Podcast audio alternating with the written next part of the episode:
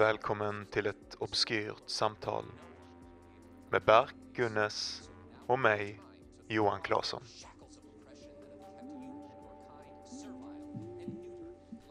Hej. Yo, yo, yo, yo, yo, Snoop Diggity Dog. Kan inte börja de här såhär jo, jo, det kan jag visst Det är typ det tredje avsnittet där det börjar med att du sjunger Diggity do motherfuckers eller någonting sånt skit. det är inte sant. Det är inte sant. Jag är en rapstar. Det gör ingenting. Någon dag här så ska jag göra min I've been hated and discriminated against I have. I've been protested and demonstrated against. Pick a time Vad var det du gjorde när vi var hemma hos mig och du bara typ började göra något jävla, någon grej i typ 20 minuter? Nej du körde billjudet, det var det. Vi hade en fin middag hemma hos mig, Kolla, jag ska hans göra tjej, min tjej. Och så från ingenstans började Johan göra ett sånt här fantastiskt autentiskt eh, Formel 1 Jag är riktigt, riktigt bra på att växla en riktigt snabb bil. Ja, jag, jag, jag, någon gång ska jag visa det här, men idag är inte dagen. Det är lite för sent nu. Vi spelar in det efter en lång inspelning. Ja. Jag ska, så här, dagens avsnitt, vi kommer in på några riktigt feta ämnen, speciellt på slutet tycker jag. Det kändes som att vi har en lite lång startsträcka. Vi pratar till en början om att skriva, så för de som gillar det så kan man lyssna på det. Sen pratar vi om Berks val utav elskoter och preferens. Vi pratar om lite samtalets form. Eh, och sa, liksom vad, vad, sam, vad vi tänker att samtalet är för någonting som en, en Ja. metodik för Ja. att få kunskap. Det här låter som att det är mycket mer genomtänkt och smart än vad det är. Men det, det, det, och sen på slutet så blir det en lång sån härlig flumdiskussion som rör liksom eh, medita meditation, fenomenologi och lite allt möjligt spännande och roligt. Det blev lite långt det här avsnittet och, vi, och det blir Mm. kanske också lite osammanhängande så det kanske är lite för den inbitna men jag tror att för den som, eh, som törstar efter lite Precis. riktigt jävla samtals fucking fuck energy så, eh, så finns det ändå mycket att hämta.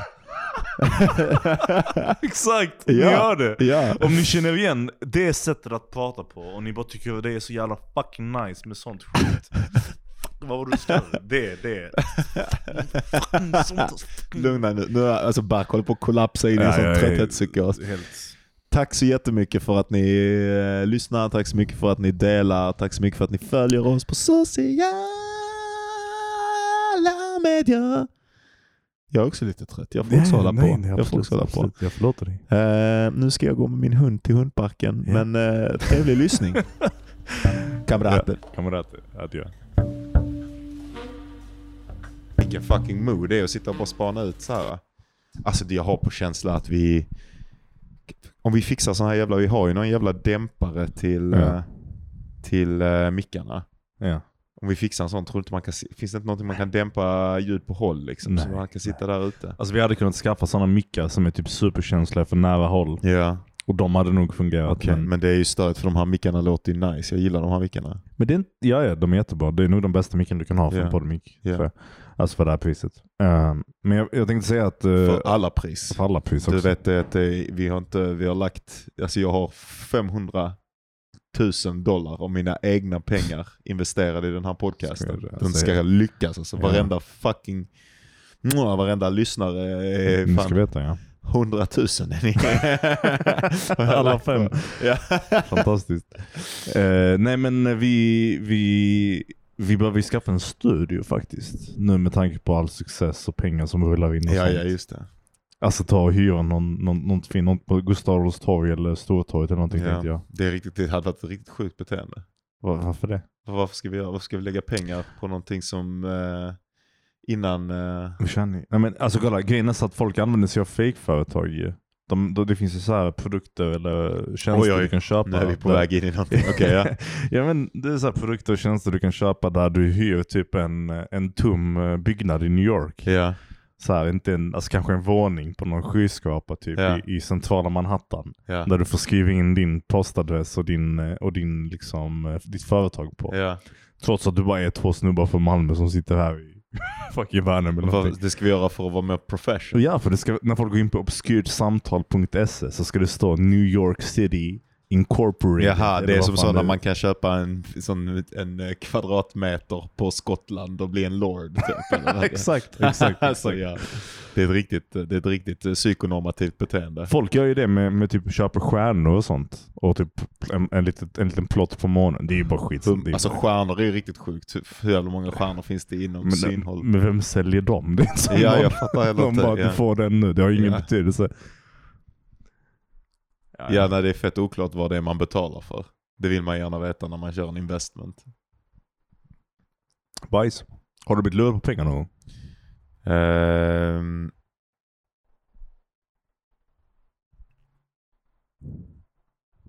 Jag har väl gjort någon sån dum deal, eh, alltså men med typ så här gatuförsäljare eller något sånt skit. Aha, Alltså okej. betalat typ tio gånger vad någon jävla attiralj är värd. Men det är liksom, då har det varit någon sån jävla pryl som ändå, när jag har betalat allt jag, jag har betalat 50 spänn för den och den kanske är värd 5 spänn eller någonting. Men det är fan ingenting ju. Nej. Jag snackar om stora pengar. Nej, är du, en, är du en sån kille som går och lurar av deg? Alltså jag tror att i ett annat liv så hade jag så gärna velat vara en, eh, En lurare? en lurare. Ja. Ja, okej. Du vet en sån liten, eh, liten Casanova som, eh, som hittade en gammal... En sol och vårare?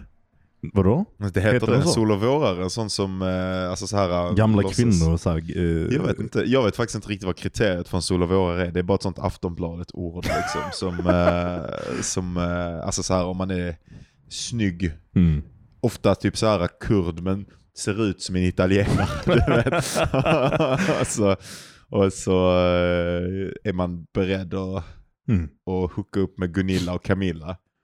Eh, och Gunilla och Camilla har lite, lite, lite cash money kvar på kontot. Som skulle till barnbarn egentligen. Men som skulle till barnbarnen eller som hon har eh, eh, hon har sålt någon liten business som hon var, var en del av. Egentligen vill jag säga att hon har eh, lite pengar kvar för att hon har sålt sin exmans båt. Men så kändes det så jävla sexistiskt så jag stoppade mig. Men nu sa jag det ändå så jag fick med skämtet men samtidigt peka ut att jag är problematisk. Nej, nej, nej. nej. Dock- de kvinnor dock- vi pratar om är ju kvinnor Gunilla som Camilla, lätt hade ja. kunnat vara offer. Så Ja. att de har ju Och haft en också, man som också, de har förlorat också, då. också. Heter man Gunilla, heter man Camilla, Så man en, så är ja. man nynazist. Ja, ja, men det, är, det är också som Sitter man förtjänar Och helt posta enkelt. antivax-kommentarer och bara rasse eh, håll igång. Men jag tror jag hade varit en sån som specifikt targetade nynazist, uh, antivax. Du, du tror att de vill ligga med Bart Gunnes? jag tror att... eh, med, ja men det beror på hur, hur, man får, alltså hur man uttalar namnet tror jag. Om det låter lite, har en liten italiensk klang till sig. hur, hur, får man det att låta italienskt? Vad är det för jävla min? Nej fan, Berk? Nej det låter bara albanskt. mer, ja, mer turkiska. Vad fan, fan. Säg ett italienskt namn. Typ. Nej. Jo, Romeo. Ja. Rom, Berk, Berkio. Nej det går inte, det är fruktansvärt. Nej, jag tror det är för att... Det där är inte så hårt. Det, ja, alltså hela mitt namn är problematiskt Man kan ju inte ha. Brotticelli. Så kan man väl heta om man, skriver, om man har Broccelli, men det finns... Har man, skrivit, man heter Ja. typ så, Fuguini Brottacelli, så har man skrivit en, en sån riktigt epos om, eh, om himlarna och olika så kosmiska strider mellan änglarna och, och ärkeänglarna Och så sitter vi här Berg och Johan Claesson, vad fan kan vi komponera som skulle kunna matcha med det? på någon jävla hexameter. Vet du? Mm, säg. Nej det är faktiskt sant. Det är faktiskt sant. Jag skulle, jag skulle säga emot det, men jag har nog inte en... eh, Jag, jag, jag, just nu är, jag så här i förhållande till mitt eget skrivande Mhm. på sån rimlig nivå. Det är riktigt oambitiöst, men jag tror att jag bara måste gå igenom det. Det är rätt skönt för det låter Mhm. mig jobba rätt mycket. Att jag bara så här, ja men nu har jag släppt idén om att jag ska försöka skriva alltså, bra meningar. nu Ja, ska det här ja. bara, det här, just nu så bara gen, genomarbetar jag genomarbetar jag och bara försöker få färdig mega konkret text Mm. Brutt, som jag kan ge ut till mina polare. Mm. Vad tycker ni om detta? Är detta någonting att ha? Ska jag skriva på någonting annat? Ska jag Mm. göra någonting annat? Ska jag skita i den här skrivargrejen? Flytta till eh, Lucknow och bli en guru? Eh, eller ska jag, ska jag kanske eh, bli någon slags ekonom? Det, är- det är de alternativen. Ja. Flytta till de. Lucknow, heter det så? Mm. Vad fan ligger Ni Lucknow? ligger i Indien. Shit Johan alltså. Det finns inga gränser för din kunskap. Ingen Jag nivå har du inte kan åkt igenom passera. Lucknow, det är därför jag vet det. Och det var, det var, det, var det så här guruland? Nej, det är verkligen ett riktigt urguruland. Men jag läste nyligen, eh, när jag läste, jag har fått låna här av min kompis, The Teachings of Sri Ramana Maharshi. Mhm. Eh, som är en sån här eh, klassisk eh, indisk guru, mycket känd. Och där står det att någon av hans lärjungar heter typ såhär Sri Pujabu of Lucknow. Ja. Så då, då har jag, där är min gurukoppling Ja, till. Lucknow. Ja, ja. Så det finns en guru redan där i princip då, kanske? Vet du, jag, när, jag bodde, när jag var i Lucknow, då var, jag- hade jag bara en jävla sjuk, eh, jag fick någon eh, halsinfektion. Jag reste från Varanasi till Lucknow. Mhm. Är skitlångt, tog typ 13 timmar med en buss utan fönster. Och det var på en grusväg där det bara körde lastbilar. Så det var liksom bara så här orange damm. Inne i, alltså man satt bara i, det var som i Star Wars du vet. När de åker igenom, eh, alltså vad fan det här jävla, de här jävla Ja, ja, podracersen. ja, Ja, Eh, det är kanske inte så mycket damm, men det kändes som det. Eller som i vilken science fiction film som helst när man är i en sån eh, sandstorm. Så var det, fast eh, bara jävligt bullrigt och CP. Oj. Borde stänga dörren kanske? Nej, det är lite, jag, jag tycker att det känns lite live. Okej, vi, vi vi ser hur vi många testar. motorcyklar som kommer. ja. Det kommer det en till tror jag bara. men det, men ehm, Det, det är för övrigt där din gururesa borde ha börjat. Men du sket i det helt. du vet inte om min gururesa Okej, har börjat förlåt, eller förlåt. inte. Men Nej men jag, jag menar bara att det är den där 13 timmars långa resan genom en sandstorm som slutar Ja. med att du jag har ju gjort den dina- resan. Ja, eller? Okej, men du kanske skulle stannat där några år, men jag alltid säger. Alltså den här jävla... Vad? alltså den Vad här är det bron. Ja. Kom hem till fina Sverige efter allt det där och... och Sitter här och degar i Malmö. Precis. Nej, men jag, jag, håller, jag sitter och skriver ett eh, helt okej mästerverk. Ja, ja. Ska jag ja. säga det. Eh, du har kingat på ditt skrivande eller denna veckan. Du, Mhm. du var fucking, du kom in hit här och bröstade dig, alltså betedde dig som en alfahane. Fuck jag jobbar, uh, skriver, gu- knullar hela dagarna, fuck jag gör ingenting annat. Bara, alltså du, Det, alltså, det är så jag låter va? Ja. Jag har sån jävla... Jag är så jävla frånskild för hur jag, hur jag uppenbarar för andra. Du tror jag. framstår ja. Jag, jag fattar inte alltså, jag har Ja. ingen aning. Jag, I mitt huvud så är jag sån liten, liten, liten fis typ som inte... Men för alla Ey, ey, vad gör du mannen? Kom hit! Hela det samtalet förra veckan om att jag var helt dominant och skulle be- folk göra saker. Fan, vad är det för skit? Är det jag? Är det vem jag är? Piss. Nej. Jag tror det är medicinen helt ärligt. Två gånger i mitt liv. du har Ja, men- varit så när jag, sen jag träffade Nej, är det sant? Snacka Ja, men lite, lite värre under medicinen. Jag Jag, är, jag tror att det finns en sån turkisk pappa-gen. Som eh, man bara blir en turkisk pappa oavsett om man får barn eller inte. Att du bara sakta, sakta bara börjar manifestera sådana. Da, da, gå dit, gör det. Shit, hur ska man handskas med det när man får barn? Ska man typ säga till sin son att man bara, eller sin dotter, Säg emot mig för fan. ja, man bara såhär, lyssna, du vet, det här kommer hända, det är en del av vår natur.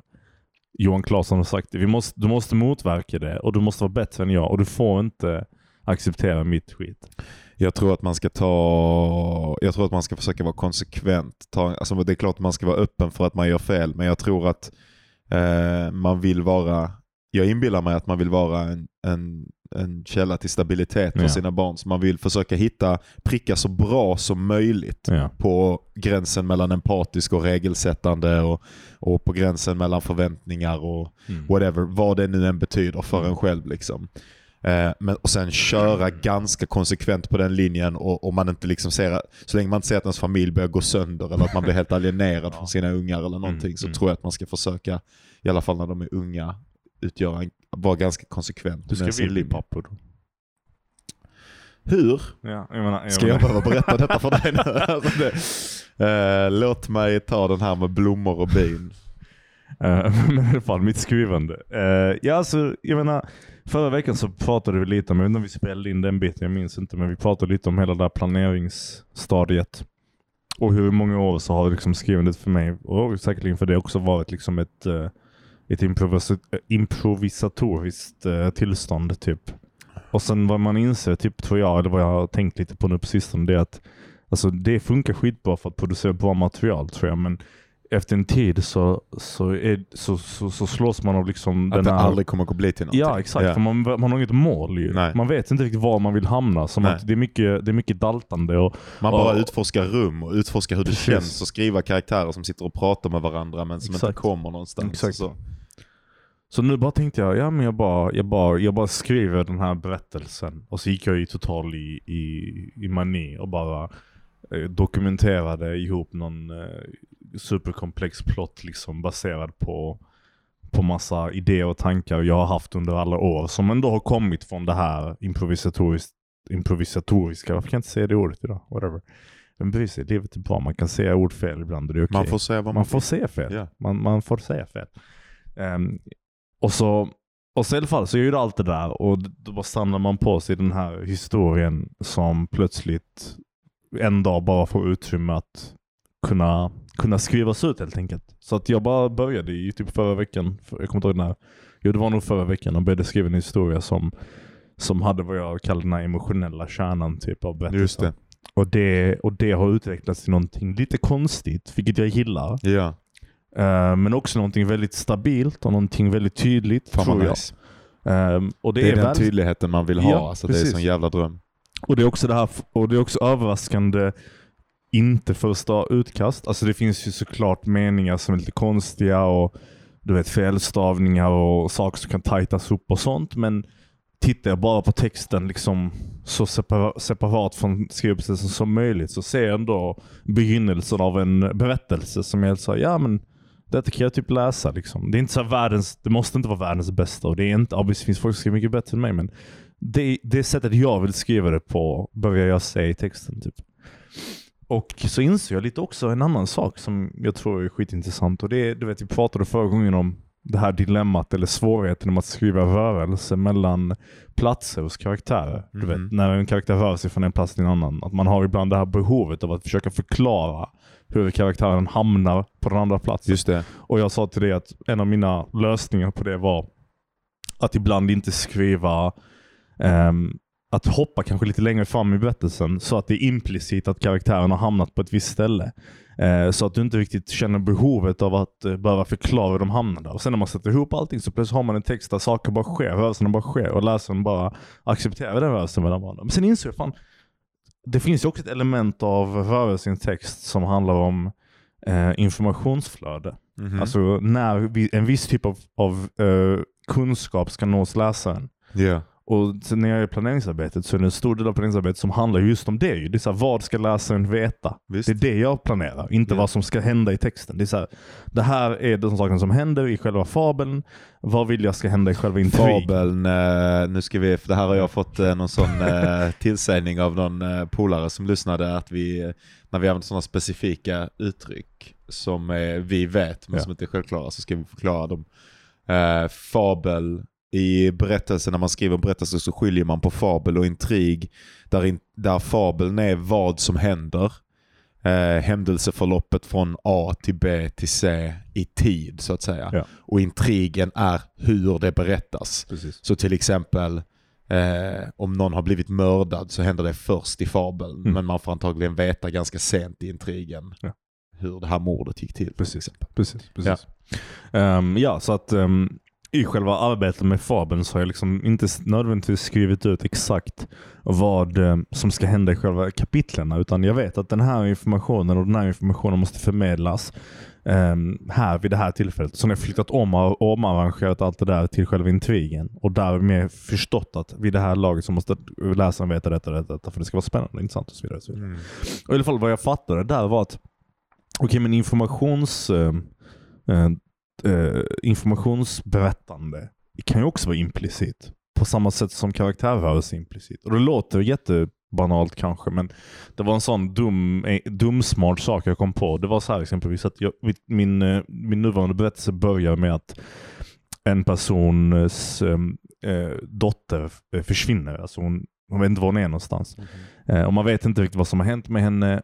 Men det är så jävla svårt att skriva. Delvis det. Det är skitsvårt att skriva. Eh, och, jag vet vad, och jag vet att jag i slutet av kapitlet gärna vill berätta för läsaren vad som har hänt med henne. Men jag så jag bara, men jag, jag vet inte hur jag ska göra det. Och så slog, slog det mig, det är exakt samma tanke jag hade när jag var, fan hur hamnar karaktären där borta? Ah, Jag pallar inte berätta själva rörelsen från härifrån dit. Så att vad jag gjorde istället var bara att, okej men i två kapitel senare så har jag faktiskt en annan karaktär som pratar om händelsen. Aha. Och kan inte den händelsen de pratar om då vara svaret på frågan om hur ska jag förmedla till läsaren vad som hände med dottern? Det är så att jag, bara, jag bara svarar på den frågan i det tredje kapitlet istället för det första kapitlet. Och jag, och jag, jag spenderar inte tiden med att försöka berätta för läsaren eh, eller försöka komma till någon slags konstig punkt som jag inte jag har just nu kapaciteten att kunna berätta om hur jag ska liksom både motivera för mig själv varför läsaren ska få veta de här sakerna. För att ibland är det information som kommer från andra källor som inte riktigt eh, kan förklaras, alltså som inte riktigt den, den berättarrösten som, som, som berättar i det, i det här första kapitlet har, har tillgång till. Så de, då kämpar man med den, det problemet också. Man är helt så här, men hur ska, jag- hur ska jag få läsaren att fatta detta utan att liksom bryta det mönstret jag har redan skapat där. Nu kickade monstern in så jag bara all over the place. Men vad jag säger i alla fall, det är, du vet redan detta, det här är en självklarhet. Men det är bara ett, ett sätt att fatta hur man ska förmedla information på. Det är vad jag försöker säga till. Försöker komma till med det. Just det. Jag har också eh, snabbt, och så vi inte fastnar i en allt för lång skrivar eh, whatever Mhm. grej. Jag har också varit i en sån grej där jag funderar, jag, eftersom jag håller på att sätta ihop ett, ett arbetsprov Mhm. på, eh, ja jag vet inte riktigt, det blir nog lite mer än 50 sidor nu, men jag håller på att skriva igenom ett, ett, en första rörelse av berättelsen som Mhm. jag försöker, och försöker verkligen fokusera på ehm, att jag har berättat detta för mig själv Mm. och berättat det på fancy sätt och sånt så jävla många gånger. Mhm. Nu vill jag berätta det på ett sätt som är underhållande från sida till sida. Mhm. Och jag försöker fatta vad det är som låter en... Alltså det, jag tänker på att texter är kapitel, scener är någon slags fragment ju. Mhm. Även, och de fragmenten kan vara mer eller olika mer eller olika eh, sammankopplade. Förknippningen mellan fragmenten kan vara olika. Så till exempel i en klassisk berättelse eh, så kanske förknippningen är att det är en direkt, det enklaste är att det är en direkt följd Ja. på ett händelseförlopp som Ja. hände i förra kapitlet. Då Mhm. fattar vi, aha det här nya textfragmentet, Mhm. det är kopplat till det förra textfragmentet Mhm. genom att det är några av de samma karaktärer. Mhm. Jag vet att någonting, de var på väg att göra någonting från det förra textfragmentet. Nu är de karaktärerna i det nya Mhm. och de handlar på något sätt i det och Mm. därför är det följsamt. En lite mer avancerad variant är typ att hoppa mellan olika karaktärer. Då vet jag på något sätt att de här textfragmenten är förknippade därför att de befinner sig i samma värld. Ja. Kanske är de, ger de olika perspektiv på samma konflikt. Eller vad det nu än är som, Mm. som berättelsen skildrar. Och sen så kan man ju ta det där till olika långt bort och i en Mm. mo många modernare berättelser, särskilt sådana som, som leker lite med, det har blivit det blir mer och mer populärt i litteraturen, eller nu kanske det där har da- dalat lite grann, men jag tror inte att den tiden är över. Eh, att leka med det faktumet att man skriver en bok, Ja. liksom, som till exempel House of Leaves, Ja. som ju är en sån hit från när vi var unga. Jag Mm. vet inte om den kom ut när vi var 10 kanske, eller 12 eller något. Eh, men där det är väldigt mycket så här lek eh, med olika röster, eh, där är, där är en, en, den inre berättelsen är, är, en, är, är liksom en ehm, ett filmmanus som inte finns utan som har skrivits fram av en gubbe i den yttre berättelsen och den gubbens notes kommenteras sedan på av en annan person som har hittat gubbens manus efter att han dör och sådär. Eh, och där är det, sker ju den förknippningen, hoppen mellan de här olika grejerna på mycket, mycket mer osjälvklara sätt. Men på något sätt lyckas han ändå konstruera känslan av att det man läser är en enhet. Ja. Eh, kanske jämfört med...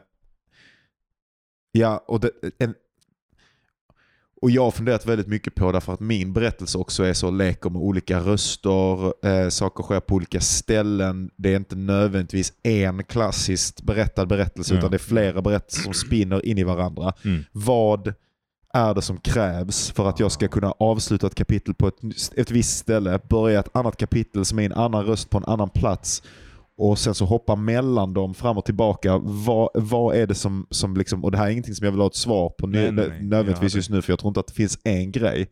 Men jag är intresserad Ja. av vilka saker som etablerar den känslan utav enhet i texten. Det har lite Ja. kopplat till det med kontrakt som vi pratade om. Ja, ja. Men det, är också, det har också att göra med någon slags estetisk enhet. Så du, det, det, du har helt, det, jag, jag ska inte svara på det på något sätt, för jag vet såklart inte svaret. Och, det, och jag, men jag brottas inför samma problem på ett sätt, eftersom eh, jag har fyra olika berättarstilar som blandas liksom. Där ett kapitel är en väldigt tydlig klassisk berättarstil och en annat, ett annat är ett, intervjuer som bara är text och dialog mellan folk.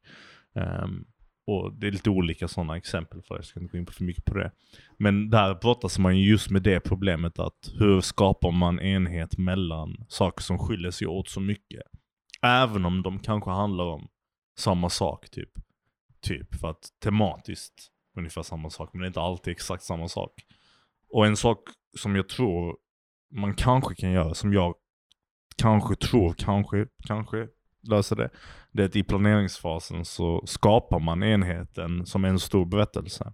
Så att eh, varje kapitel är ju en del av en stor saga som jag har skapat på en, under ett tillfälle. Alltså inte under ett tillfälle, men som, där förhoppningen är att varje del jag har skrivit i planeringsfasen informerar den andra delen tills det, det skapas en enhet av det. Och sen är mitt jobb som författare att ta varje avsnitt av det jag har skapat vid ett tillfälle som en stor enhet. Och sen separera bort det från enheten samtidigt som man behåller typ essensen av enheten i den saken. Och då tror jag man måste veta okay, men jag har det här, det här kapitlet existerar för en, för en anledning. Och den anledningen är att, in, att väldigt specifikt informera läsaren eller informera berättelsen om en viss sak. Eller en viss tema, en viss idé, en viss, någonting som sen för, för fram läsaren till nästa. Och har du det så, så, giss, så önskar jag, jag hoppas, jag, det är det jag har gjort, att det ska på något sätt eh, skapa den här känslan av, av, av, av, Av av enhet, unity. ja. Liksom. Men, och vet du, det, någonting som jag tycker är intressant är att jag, att jag, har, jag, för jag har tänkt på vissa gamla... Eh, den här känslan av enhet bygger också på brott Ja. på något sätt. Hur För menar det du som, då? Att det som händer när, med såna, när man läser amatörförfattares verk som är längre, som jag har känt när jag har läst vissa av mina vänner Mhm. och även när jag läser mina Mhm. äldre och mina manuskript, det är att man har inte känslan för när brotten måste ske. Så texten, texten bara flödar på och flödar Aha, på. okej. Och då etableras heller ingen känsla av Nej, enhet. precis. Då, då, då, etableras, då etableras ingen bakgrund, Mm. som är det som texten hänger på. Så menar du typ, var slutar kapitlet? Var slutar den, den delen? För att sen ja, övergå till precis. någonting och sen, annat? och sen ja, bland annat det. Mm. Bland, det men det är, det är en massa grejer som sammankommer i detta. Det som har att göra med mycket mera, om jag har berättat den här berättelsen för mig Ja. flera gånger på olika sätt och där finns fortfarande delar som måste arbetas ut. Men nu försöker jag verkligen fokusera på hur berättar jag den här berättelsen för läsaren. Hur glömmer jag bort allting jag har skrivit? Mm. Eller inte glömmer bort händelseförloppet, inte Mm. glömmer bort mina idéer, mina tankar, min kreativa, allting det som jag har Mm. nött fram. Men sättet jag har berättat det på. Och ja. Hur glömmer jag bort det och berättar samma sak på ett sätt som är till för den jag berättar det för. ja. Inte för att jag ska gå igenom mina egna inre uttryck. Precis, precis.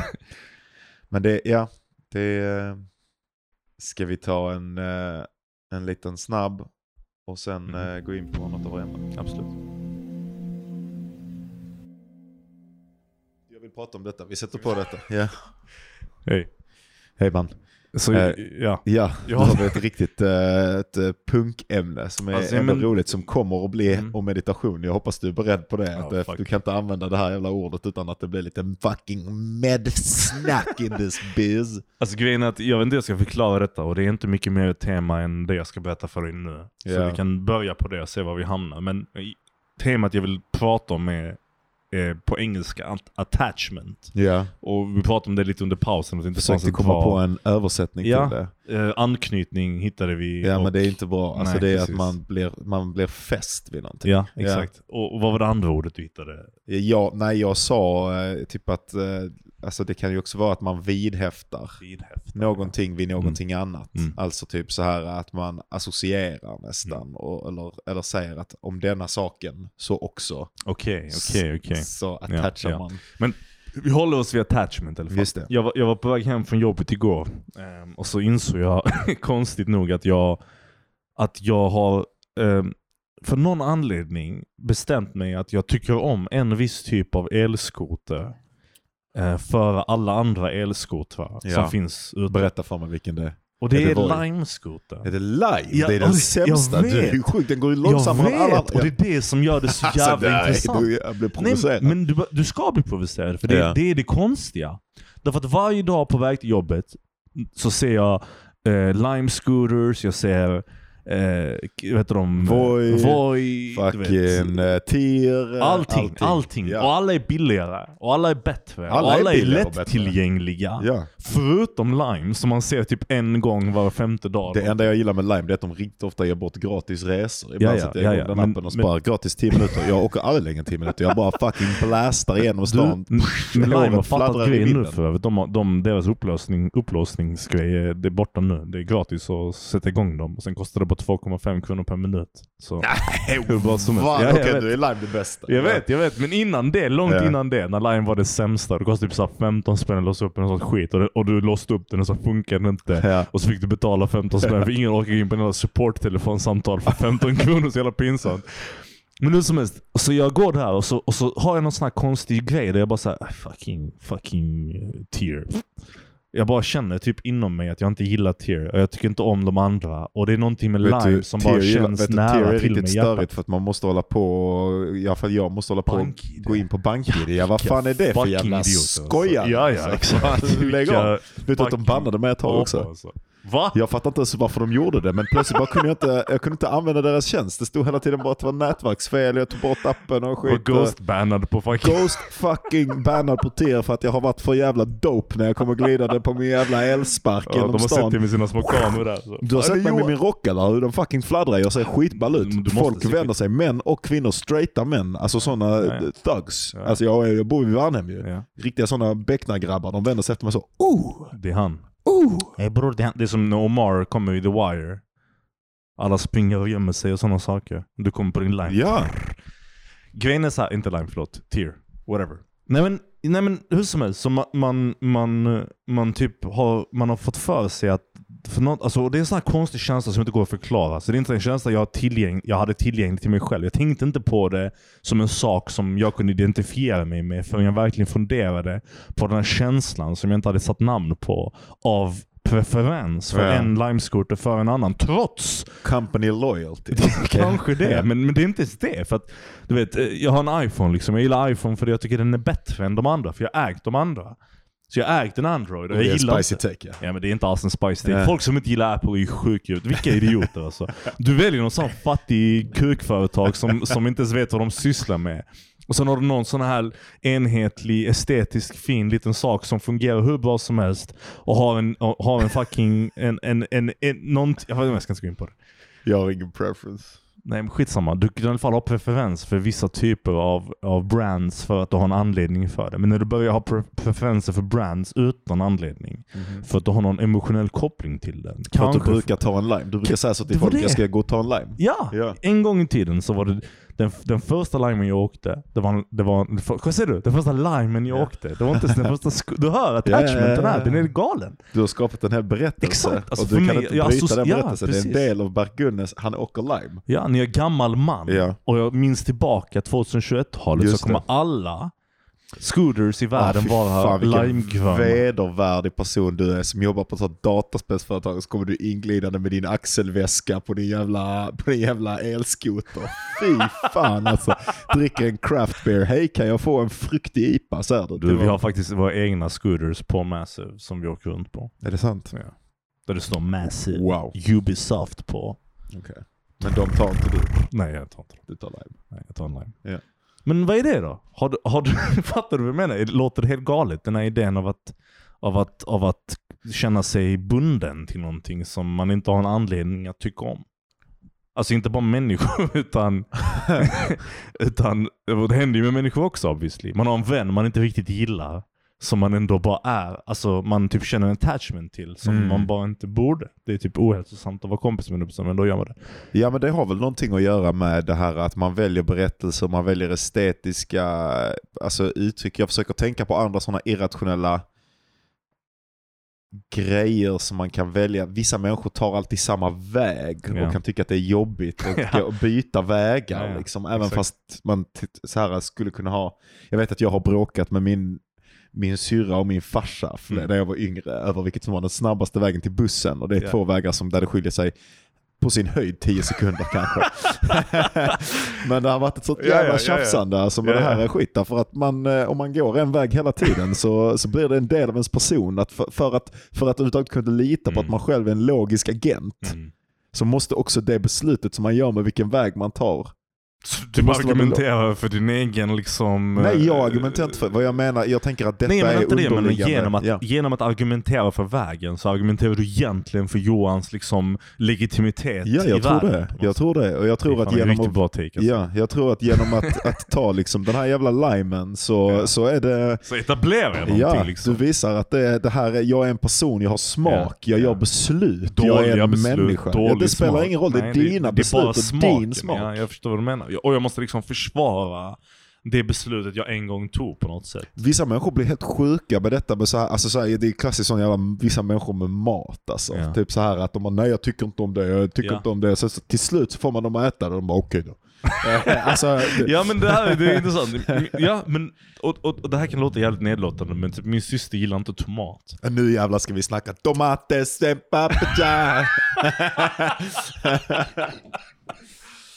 Det var en liten inside joke till familjen Gunnes Exakt, plus mina polare. Precis. Eh, kul att dina vänner också är en del av hela, hela den grejen. Eh, nej men eh, det är Baris Mancho, den, den bästa, bästa song, singer-songwritern genom tiderna. Ka- kanske Turkiets eh, största stolthet, eh, exportör av musik till ja, han, ja, Japanerna älskar Baris Mancho, det är helt sinnessjukt. Det är massa sådana, det, borde bara, det, bara, det ska bara komma till Sverige snart och så Det känns som att japaner, japaner älskar allting eller? Nej, de, inte Alltså, allt, eller men typ de så här- gillar specifikt konstiga Ja, saker på ett De sätt hittar, som de är jävla ja. på att hitta Ja. sådana här konstiga grejer. Men okej, ja men, eh, men jag tror att med all, all attachment, precis som med, ja det är stört att de här, eh, det är ju alltid de här orden som jag strugglar med när man pratar om typ så här, vad ska man säga, meditationsteori eller Mm. det är ju inbyggt i, i, i de här idéerna att all attachment är ju på något sätt en, det är ju en berättelse som finns som en del av, en, av ens person liksom. Mhm, mhm. Som en del av ens ego. Och för att överhuvudtaget kunna tänka att man själv är en förenad enhet som håller över tid. Alltså att jag, Johan Claesson, är samma Johan Claesson som jag var för en vecka sedan och så. Så måste man Mm. konstruera vissa beteenden. Mhm. Vi pratade om det förra veckan med, med narrativet. Jag tror att det existerar för samma anledning. Ja, Att precis. det är, en, det är en sammansättning av... Det är ett sätt att sammansätta beats av Johan eller Ja. Bark till en enhetlig historia. Ja. Och så skyddar du den historien. Även om den är...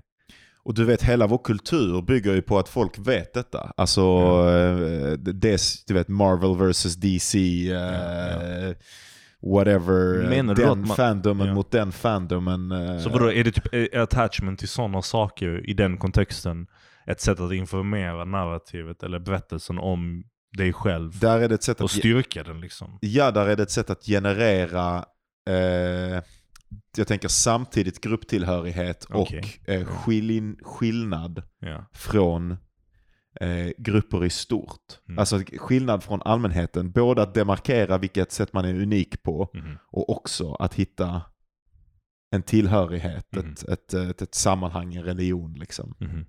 Jag lyssnade på som vanligt då en någon muslim eh, idag och eh, eh, min, min sakta reversion eh, fortskrider som vanligt. Men, men eh, då eh, pratade de om typ det här när man tog beslutet att man ska raka mustaschen. Liksom. Jag sluta garva nu för fan, det här är seriösa grejer. Eh, det är sant. Men de pratade om Mm. liksom att ehm, eh, jag vet inte varför jag ska berätta detta, men de pratade om att man rakar mustaschen liksom, eh, och behöll skägget för Ja. att vara, vara liksom, för att ha någon skillnad från eh, de kristna och judarna som bodde i samma städer. Det liksom. sant? Ja, att det är någon hadith tror jag. Eh, och det är ju skitintressant, för det är ju också på något sätt, alltså ens val av religion är ju kanske också, alltså förutom då ett claim till att man förstår en kosmisk sanning, Mm. så, så är det ju också ett sätt att, att välja identitet. Ja, och i ett sekulär, sekulariserat samhälle så är det ju kanske ännu mer det. Mm. Alltså där går ju folk nästan in med en lekig inställning Mm. till religionsvalet. Typ så här bara man, Man bara eh, testar lite här och testar lite där. Så gör ju jag liksom. Ja. Men ja, jag vet inte. Det, var, det blev en liten tillägg. Det är inte exakt samma som att välja vilken lime man väljer. Men det, det, har, Nej, men- det, är ju, det är ju, jag tänker just att det har att göra med att man ska kunna identifiera sig själv som en person Mhm. som är avgränsad i rymd och i tid. Mm.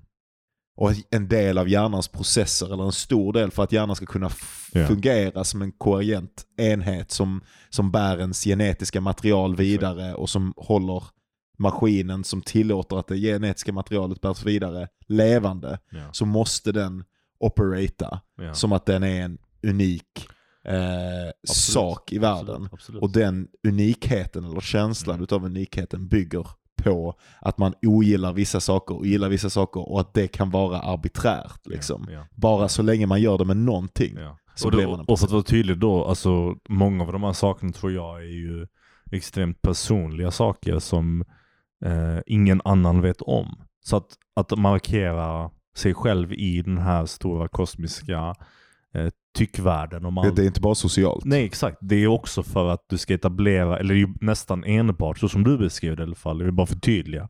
För att etablera för sig själv var man platsar. Ja. Och, och, och för att, den, för att det, det är någonting jag vill typ be första gången antar jag, typ lyssna och tänka på om det finns typ någonting som kanske, om man verkligen funderar på det, har samma klang till sig som den här uh, lime scooter attachmenten.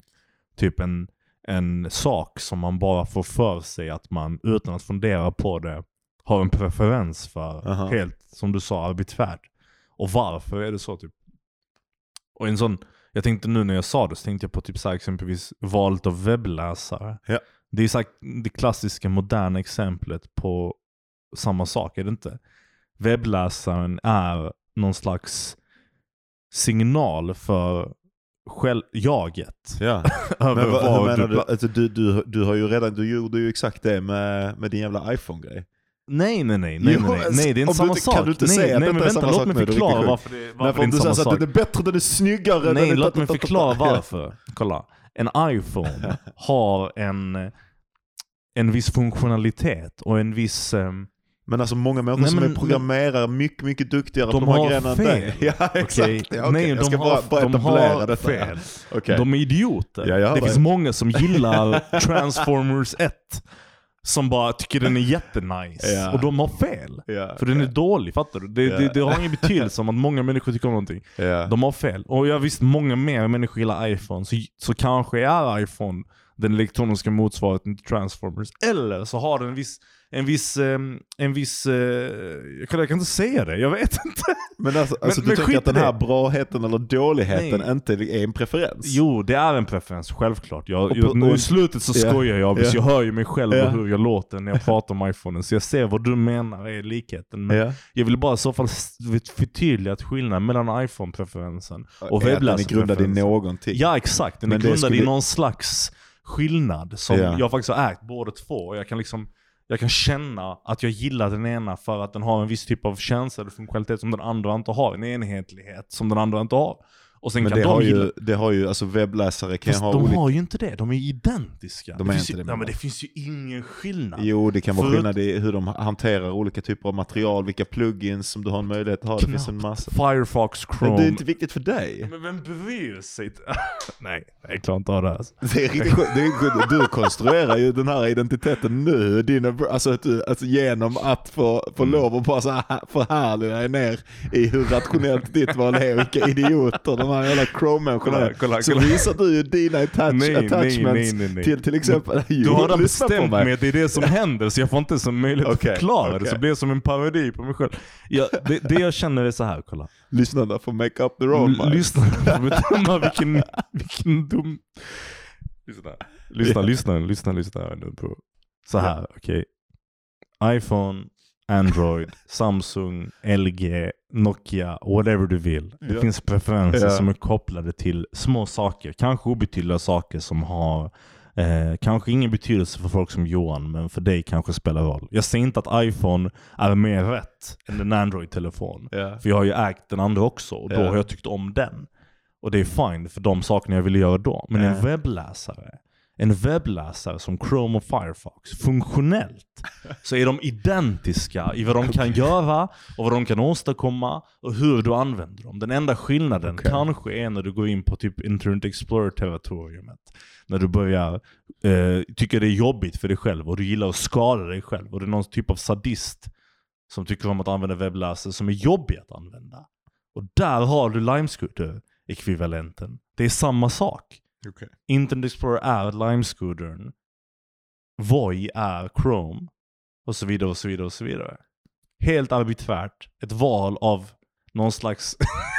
Tittar du på mig så? Ja men alltså, ja, jag låter dig. Du får, Vad är det någon slags di- någon kognitiv dissonans här som jag, tror inte det känns har lite som att det är kognitiv dissonans. Men jag tror också att, att eh, eh, det är väl inte, alltså du, du, du kan ju säkert det, det, det som är intressant med skoterexemplet är ju snarare att du kan se ab- arbitrarynessen från insidan. Ja. Liksom. Men jag kan inte göra det med, med de andra sakerna eller? I, ja men jo det kan du. Du menar ju att det är, att det är en arbitrariness i... eh, Jag tror i jag försöker eh, hitta skillnaden mellan en attachment som är, som är scooter-varianten och en Ja. attachment som är typ baserad på verklighet. Men jag tror att de inte är, alltså så det är klart att du kan, du kan göra rationella argument, det finns attachments som du kan göra rationella argument för, inte Ja. att de kollapsar ner i någon stabil grund sen. Mhm.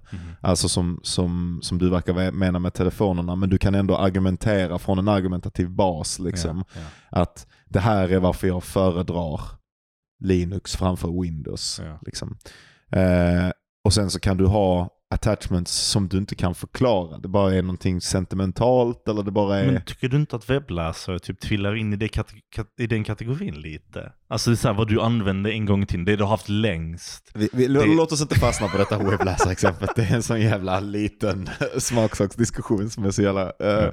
men, men det intressanta är ju snarare... ehm, för jag tänker att allihop, alla attachments, både de som är, alltså för i slutändan, hur jävla farligt är det om du har en så bra telefon eller en så bra telefon? Nej. Det har egentligen inte heller någon vikt. Det är en vikt som du placerar Ja, i ja. att ha den telefonen eller den telefonen. Mm. Utan en av de primära delarna, med, speciellt med all modern tech, som har en massa, där, där liksom användargränssnittet och estetiken Mhm. utgör en del av en persons identitet. Liksom. Mm. Du jobbar för ett techföretag och du är lite konstnärlig så här. Det Mm. blir ju, oavsett om du vill det eller inte, så att, att Apple är det mest troliga valet för dig liksom, som Mm. typ. Eh, och det blir ju en del av din berättelse Mm. att få lov att sitta och säga att den är så mycket snyggare, den är fucking bättre. Da, da, da, da. Mm. Ehm, men, men, men, men, men det är fortfarande intressantare, den brand loyalty-grejen är, alltså som är, är till Lime. För där har det, Lime är ju fulast också. Ja, alltså, det ser för jävligt ut. Ja, men det är därför jag tror att det jag säger nu egentligen är, det är bara ett utforskande av att försöka identifiera, som jag sa, när det är den här väldigt unika Lime-typiga attachmenten som har noll koppling till verkligheten. Och den här andra luddiga som nu kan förklaras med vad du nu vill förklara det med. Det finns någonting, det, det, det, har, det har en viss ton, en viss känsla. Mhm. Att man väljer en meningslös scooter över en annan men- meningslös scooter. Men inte samma känsla när man pratar om telefoner Okej. eller webbläsare, förstår du? Okej, och men Och- grundar sig den känslan i din egen oförs... Alltså att det, det, du kan förklara bort beteendet med, med, eh, med iPhonen därför att det grundar sig i det som du kallar verklighet. Medan du inte kan, det, det, det belyser egentligen någonting mer om dig som inte du får syn på i iPhonen mm. när du gör det, det ett beslut där du inte kan hitta en rationalitet för det. Jag, jag Stämmer tror det? kanske det, men, men med just med iPhone-exemplet så,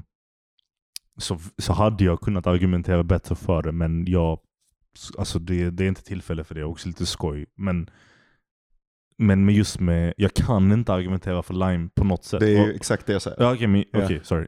Och då, och då det jag vill komma till med det är att eh, jag tänker mig att det har mycket att göra med användarnödvändigheten. Typ, vad, behöver jag en Lime? Nej. Behöver jag någonsin åka en Lime? Väldigt sällan. Eller en skurr. Någon, typ aldrig. Så, men preferensen ligger inte i användningen. Preferensen ligger i någon slags något annat typ. Alltså det har inget att göra med någonting jag har kopplat till funktionalitet. En telefon är ändå kopplad till funktionalitet. En webbläsare ändå till någon, någon slags användarvänlighet eller någonting som har att göra med jag i mitt agerande med min dator. Medan en scooter har typ noll koppling. Det är bara så här. Jag typ kanske gillar en viss typ av bil, men jag bara, jag bara gillar den typen och jag kan typ försvara den bilen. Fast jag vet inte varför. Jag har aldrig åkt den, jag, jag vill inte åka den, jag, jag äger inte den. Jag, jag vet inte, jag bara typ gillar den. Men jag kan inte förklara varför. Men inte bara att man gillar den, utan också att man... Det finns ju mer till attachment än att gilla. Det är också att man försvarar den. Att man, Mhm. att man tycker om den. Att man inte gillar eh, dens konkurrenter. Eller dens, vad man då, att man ens kan tänka sig att det finns konkurrens inom två föremål som, man, som egentligen har noll koppling. Typ. Mhm. Så vi scooters är ju lite, lite konkurrenter på ett sätt. Men jag kan inte förklara det. Det är bara så jävla... Det är bara sån konstig, något konstigt utrymme i mig som bara har en kärlek för Lime Scooter. som, Ja. som, som jag inte har för något annat i den här världen. Mhm. Kan vara det dummaste tema som någonsin Ja, har... alltså verkligen. På gränsen av Ja. alltså, Helt jävla blottande hur efterbliven jag egentligen är. Ha. Paus. Nej. Nej, Nej. vi går direkt in på, eller du ville Jo, stanna vi kvar? tar, vi tar en paus. Ja. Nej, det bara fanns mer till, till utforskandet av limes. Men vi... Jaha, vill du göra det? Nej, jag vill inte göra det. jag vill inte.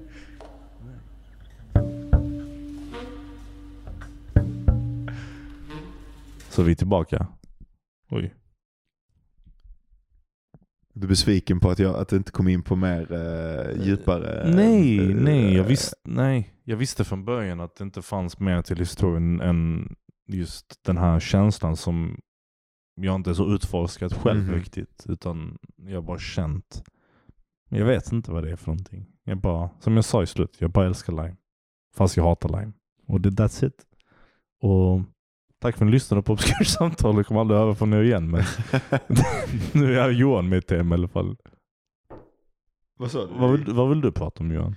Kolla här nu, jag, ska, jag, jag, eh, jag vill prata om, eh, det var det jag med en metadiskussion, att jag tänkte Ja. jag vill prata om, om se om jag kan formulera den här tanken, jag vill prata om samtalet som form och vad man tänker att vikten i samtalet är. För jag tänker ofta det här att det här är en podcast eh, som kombinerar energidrycksreviews eh, med, eh, med liksom så här filosofiska diskussioner om skit vi inte vet någonting om, kvasiandlighet, naturvetenskap vi inte vet någonting Mm, om, mm. skrivande från två stycken icke-publicerade författare.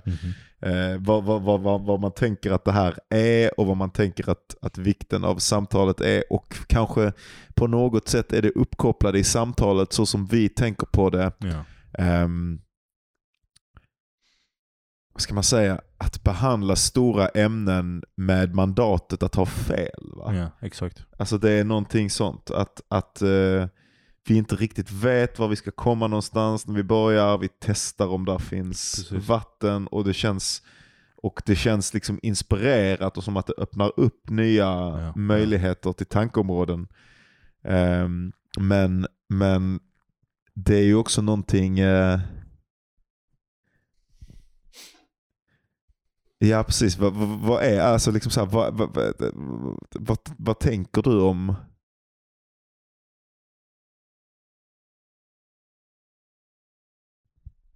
Det här kanske också var en oformad tanke. Alltså. Nej men jag förstår typ vad du menar. Och jag, och, jag, kanske så här då. eh, För mig när jag, när jag först funderade på, på vad, vad podd skulle vara för någonting. Just det. Och vi experimenterade med lite olika namn och sånt. Och sen fastnade vi på, på just obskyrt samtal. Ja. Jag tror det viktiga för mig, betoningen är aldrig det obskyra. Nej. Det är samtalet verkligen. Eh, Därför att jag tror att en del av det är ehm, the familiarity av, att, av, att, av ett samtal. Just det. Och det är att i vårt vardagliga liv, alla som lyssnar säkerligen, så diskuteras och utforskas kom, komplexa ämnen i samtalsformat nästan uteslutet. Ehm, och inte i så här föreläsningsformat. Nej, precis. Vilket är typ poddnormen egentligen. Alltså visst det finns ett samtal. Många samtals, men, men det är ofta inte när det kommer till, jag tänker när det kommer till saker som rör typ de ämnena som vi försöker röra så är det ofta informativt. Precis. Att vi, vi, det jag tänker att det här är, är liksom ett sätt att bara kasta ut en jävla massa möjliga riktningar Ja, ja. som man sen, alltså vad som helst som vi har kommit över, som, vi, som man vill bearbeta, som man vill prata om. Mm. Ehm, och som är så här stora frågor som vi typ inte riktigt vet någonting om, men som Mm. det känns som att man kan trampa i vad det är för någonting. Och som Precis. sen den som lyssnar liksom kan förhoppningsvis alltså inte ta sig an åt att liksom de exakt, den exakta faktan eller den exakta, alltså som att det här är en utbildningsgrej. Mm. Mm. Utan bara förhoppningsvis liksom bli in, in, inspirerad till att också, för det är också så, jag tänker ändå att man själv är, vi är så privilegierade och jag är så privilegierad i det att man alltid haft en jävla massa vänner som är redo för den här sortens samtal. Precis, liksom. Och precis. ibland så när jag hänger med folk från liksom min vänskapskrets periferi så, så kan jag verkligen känna det att, att det inte är normen i alla Mm. kretsar och att de ofta ändå blir, när de väl kommer in i det till sist, att, man, att det ändå är en sån jävla det är så jävla viktigt Mm. och en jävla Mm. det, det, liksom det, det, det samtalet som rör sig på det egna vetandets ytterkanter, Ja. den egna förståelsens ytterkanter som tillsammans försöker öppna upp möjliga dörrar Ja. Till, till nya ställen dit man kan beträda som försöker, eh, det finns något som heter tangential learning. Jag såg det någon gång på en, ehm, eh, det, hade för länge, länge sedan, många, många år sedan i förhållande till datorspel och deras Mm. eventuella, att typ så här om man spelar Assassin's Creed så Mm. kan man bli intresserad för historiska perioder och genom att du har fått röra dig igenom de, de ehm, områdena, inte på ett sätt som har varit liksom explicit educational, men, eh, men eh, som har varit underhållning, det ger dig ändå en slags form i hjärnan som låter dig röra dig igenom dem sen där du innan inte ens visste att det fanns. Ja. Eller bara väldigt, på ett väldigt abstrakt plan visste Exakt, liksom att exakt. de här utrymmena fanns och här kan man lära sig Och, någonting. då- och det är ju också definitivt baserat på ofullständig kunskap. På Ja, det sättet precis. att du lär ju inte dig, alltså det enda som behövs är verkligen en, en väldigt lätt ytlig beröringspunkt. Där du bara så här får en känsla för det du vill lära dig om. Och så är det tillräckligt för att sen ut, sätta igång den här utforskarfasen, utforskningsfasen kanske man ska kalla det. Som, som, som leder till att man faktiskt kan lära sig det. Just det. Och jag, och, och, och jag tänker på typ, eh, därför att det jag ville säga lite innan du kom in på den här grejen, och jag tror det, det går in på det lite, det är att alltså, det var någon av dina vänner som någon gång sa, men man, man, du, podden får en att tänka. Och, och tänka för mig i den kontexten, det är inte bara så här, men det får mig tänka på livets stora mysterium, utan nej, utan vi pratar om saker som kanske eh, inte kommer fram till en poäng som vi vet om vad det är för någonting. Men du kan komma till själv. Typ. Just det. Och jag vet inte om det är målet, men det blir en biprodukt av det. Typ. Ja precis. Ofta så känner jag att det känns som att man vill, det, det finns ett, någonting vi vill komma till och sen så kommer vi väldigt sällan dit. Ja. Men, vi kommer, men det är ändå som att, att vi har fått lov att sätta igång tankeprocesserna och förhoppningsvis så gör det någonting för, för lyssnaren också. Men jag är inte, jag är inte heller bara intresserad utav, utav att prata om samtalet i förhållande till våran podcast. Okej, liksom. okej. Utan överhuvudtaget vikten av samtalet och det essaistiska och det sökande som en, som en kunskapsform. Jag känner att vi lever i en sån tid lite grann där, där ehm, alltså klart om man ska på något sätt i, på, i någon slags offentlighet så måste där finnas credibility right. Det är det som vi saknar nu i våran tid. Att man inte kan, man kan inte verifiera sanningen i Mm. någonting och därför är allting jävligt oroligt och folk lever med helt olika berättelser om vad verkligheten är för någonting. Mm. Och stöter sig emot varandra på sätt. Och det är lite störigt och det är ett problem som vi som människor kollektivt inte har lyckats lösa Mhm, ännu. mhm. Och det är oklart vad den lösningen kommer vara. Om den kommer vara liksom totalitär från typ techindustrins sida eller om vi kommer komma på något bättre som respekterar människors frihet men som ändå liksom sammanfoga de här olika berättelserna till, till någon slags enhet som gör att vi kan Mm. navigera den här planeten framåt och inte sänka oss fullständigt. Ehm, men, men, men, men i mindre rum som detta här där vi sitter och gentemot våra lyssnare och även det, det, det, det, privata Ja. samtalet så känns det verkligen som att man, man, man vill låta som att det finns någonting värdefullt i att stöta och blöta idéer. Men samtidigt, det finns ju också någonting att säga för samtalet som att när man går in i det så måste man en sak som jag känner att vi också strugglar med, som jag, som jag vill bli bättre på, Mhm. det är att man måste på något sätt gå in i samtalet med, till skillnad från en debatt. Ja. I en debatt går man in och argumenterar för sin sida. Ja. Så i samtalet går man in, då, och det har du och jag pratat om privat, eller vill gå in. Med idén att jag presenterar inte en fakta utan man försöker, man försöker gå in med en ödmjukhet, att jag testar de här idéerna. Exakt. Och ibland kan jag känna när vi liksom börjar, det känns som att vi kommer it från olika sidor. Ja. Att det känns som jag har en idé och du har en idé så vill man presentera den idén för den andra. Alltså ja, det är okej, men samtidigt är det också en del av det hela. Alltså, vi har långt innan vi spelade in nå- något jävla avsnitt tillsammans haft liknande diskussioner Mhm. som ibland har tagit formen av, av, av debatter. Just Som senare efteråt har liksom lett till någon slags eh, syntes. Mhm. Där man bara såhär, ja men du vet, inte, alltså, och för mig oftast har det varit så när jag haft långa samtal och bra samtal med dig, det är att efteråt på väg hem eller så känner jag mig, känner mig större liksom inuti och jag känner som jag har typ rört på saker som jag själv inte hade kunnat Just röra det. på, men i samtalet så, Så rör kommer vi på fram, det ja. tillsammans. Och sen kanske inte kom fram till någonting, men jag typ har öppnat upp ett utrymme inom mig Just själv det. som jag senare har tillgång till. Och som också- jag kanske inom två, tre veckor eller år kan sedan använda Ja. för att förstå någonting jag inte tidigare kunde förstå. Ja, det, det sätter ju verkligen frön i en på, samtal på ett sätt som nästan ingenting annat gör. Alltså Ja, jag kan ja. ofta känna så, ehm, det är väldigt svårt att läsa sig till nya kunskaps och intresseämnen som Mm. inte har kommit till en genom ett samtal först. Mm, kan jag ofta precis, känna. Att, precis. att, att när jag läser, även fast jag läser mycket, så kan det verkligen så, så är det väldigt lite som sätter sig Mm. fram till man håller på och nötar ut vad någonting är, eller vad någonting verkar vara för en i alla fall, Precis. i samtalsformen. Men det, det, det, jag menar då att alltså, debatten i sig är bara en, ett, ett, um, ett verktyg i den typen av samtal. Och inte nödvändigtvis någonting vi måste... Jag menar alltså, oss bort från- debatten, det kan ju vara en, en samtalsdebatt kan vi ju säga, kalla det då. Ja, okej. eh, är ju skild ändå från debatten som form, som ju verkligen är en politisk debatt. Där det är det ingen som kommer in för att försöka förstå. kunskap. Ja, eller, eller, vinkel mot vinkel. Vinkel liksom. ja, Ja. Nej men då har du rätt i, då har du rätt i. Där målet är inte att fatta utan att övertyga den andra. Och. Men det är, helt ärligt alltså, hur ofta har vi haft det då? Alltså, Nej, det, här var ibland- inte en, ja, det var inte en tanke som en kritik. Nej, nej, nej, nej, jag vet att det inte var riffande på- Nej, nej, men då ja. vet jag, vet bara, ja, men jag bara tänkte högt ändå, bara hur faktiskt ofta har det hänt. Jag tror att ofta, många gånger har jag i alla fall en gång att jag vill bara nöta idéer tills jag kommer Ja. på vad jag egentligen tänker. Typ. Ja, just det.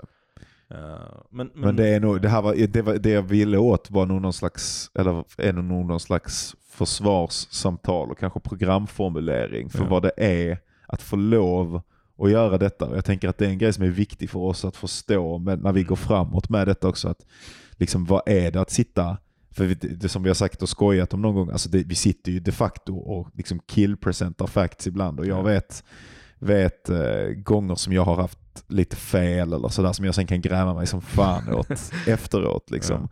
Och så funderar jag jävligt mycket över det. Men, men, eh, men sen så förhoppningsvis kan jag också inse att jag sitter inte här för att föra en agenda utan jag Nej. sitter här för att tillsammans med min kompis och Mm. tillsammans förhoppningsvis med lyssnarna som kanske sen, för det är ofta så i och med att det är ändå en, del av lyssnarskaran som är våra vänner och förhoppningsvis någon gång i framtiden så kan vi också sätta upp eh, när vi får, när, när det här blir en, en, när det blir större liksom, att man att, sätta upp någon slags kommunikationskanal mellan, mellan lyssnare och lyssnare och oss själva och lyssnare. Att det ofta så kommer ju folk till mig med så jävla feta insikter Mm. om saker som vi har pratat om som, Mm. som de sen har hört på den här jävla grejen. Så det, eh, ja, det är någonting nice med att verkligen få, få lov att låta sig själv gå ut Mm. i områden där man inte där man inte riktigt kan eller där man försöker etablera kunskap. Ja, men, men ehm, jag håller med. Och, och typ det här att um, skammen, är, skammen är att låta dum Ja, en precis. inspelning. Att det är typ en jätteskön känsla. Alltså jag hatar det. Alltså det jag kommer fastna i det och Ja. bara så, "Fa- fuck vad då, dum, dum i huvudet jag lät Ja, ja, ja. För att jag inte riktigt kunde formulera eller uttrycka mig på det sätt som jag Man skulle tänker vilja. aldrig på det i, i, i samtal som inte är inspelade. För Nej. då, då hjälper man varandra när man Precis. kommer över det. Men när man, när, man, Precis. när man inte hör och ser alla ansiktsuttryck Ja, ja. så blir man plötsligt så jävla medveten om hur Ja. mycket man liksom bara ja, eh, inte förklarar, inte, Exakt. inte förklarar saker noggrant Ja, nog, inte, inte formulerar sina tankar Ja. på ett klart sätt, inte, inte är alls så jävla klok som Nej, man själv sitter och precis. inbillar sig att man är. Och, men det är också det som är typ det fina i det och det som Ja. det har någon, någon känsla av, av, eh, alltså ska man säga, det är skönt bara på ett sätt efteråt typ. Eller vetskapen att kunna typ i det ögonblicket samtidigt skämmas över det. Men också bara, ja fast det är ju det vi gör. Typ. Ja, är det precis. inte liksom? Och jag, så jag fattar 100% vad du vill komma till med den här förklaringen på något sätt. Jag vill, men vi ska inte heller försöka rättfärdiga, tänker jag, att, alltså Att våra ha- dumheter. Nej, nej, det är klart. Alltså man vill ha, men, men det, det är mer, alltså det, jag, egentligen, jag är inte, det är inte så att jag vill rättfärdiga det mot lyssnarna. Liksom. Utan jag vill, nästan, jag vill nästan förstå själv. Ja, ja. Och jag, alltså vad det är med det här essayist, eh, det, för det är inte, heller, det är inte ens riktigt essayistiskt, för någonting essayistiskt eh, redigeras ändå. Mm, och är liksom, utan det är någonting som växer fram. Samtalet som form, det är att man, man tar något ämne och sen så bara öppnar man upp så många dörrar som man kan. Och några av Mm. de dörrarna kommer inte leda någonstans. Och några kommer att vara byggda på fel information eller Mm. någonting. Och det måste vara okej. ja Att ja, det är det. Ja. Och, och det är, för mig är det så en del av att vara en, en fullständig person. Mm. Det är att, att få lov att testa alla möjliga sjuka riktningar Mm. i sin tanke.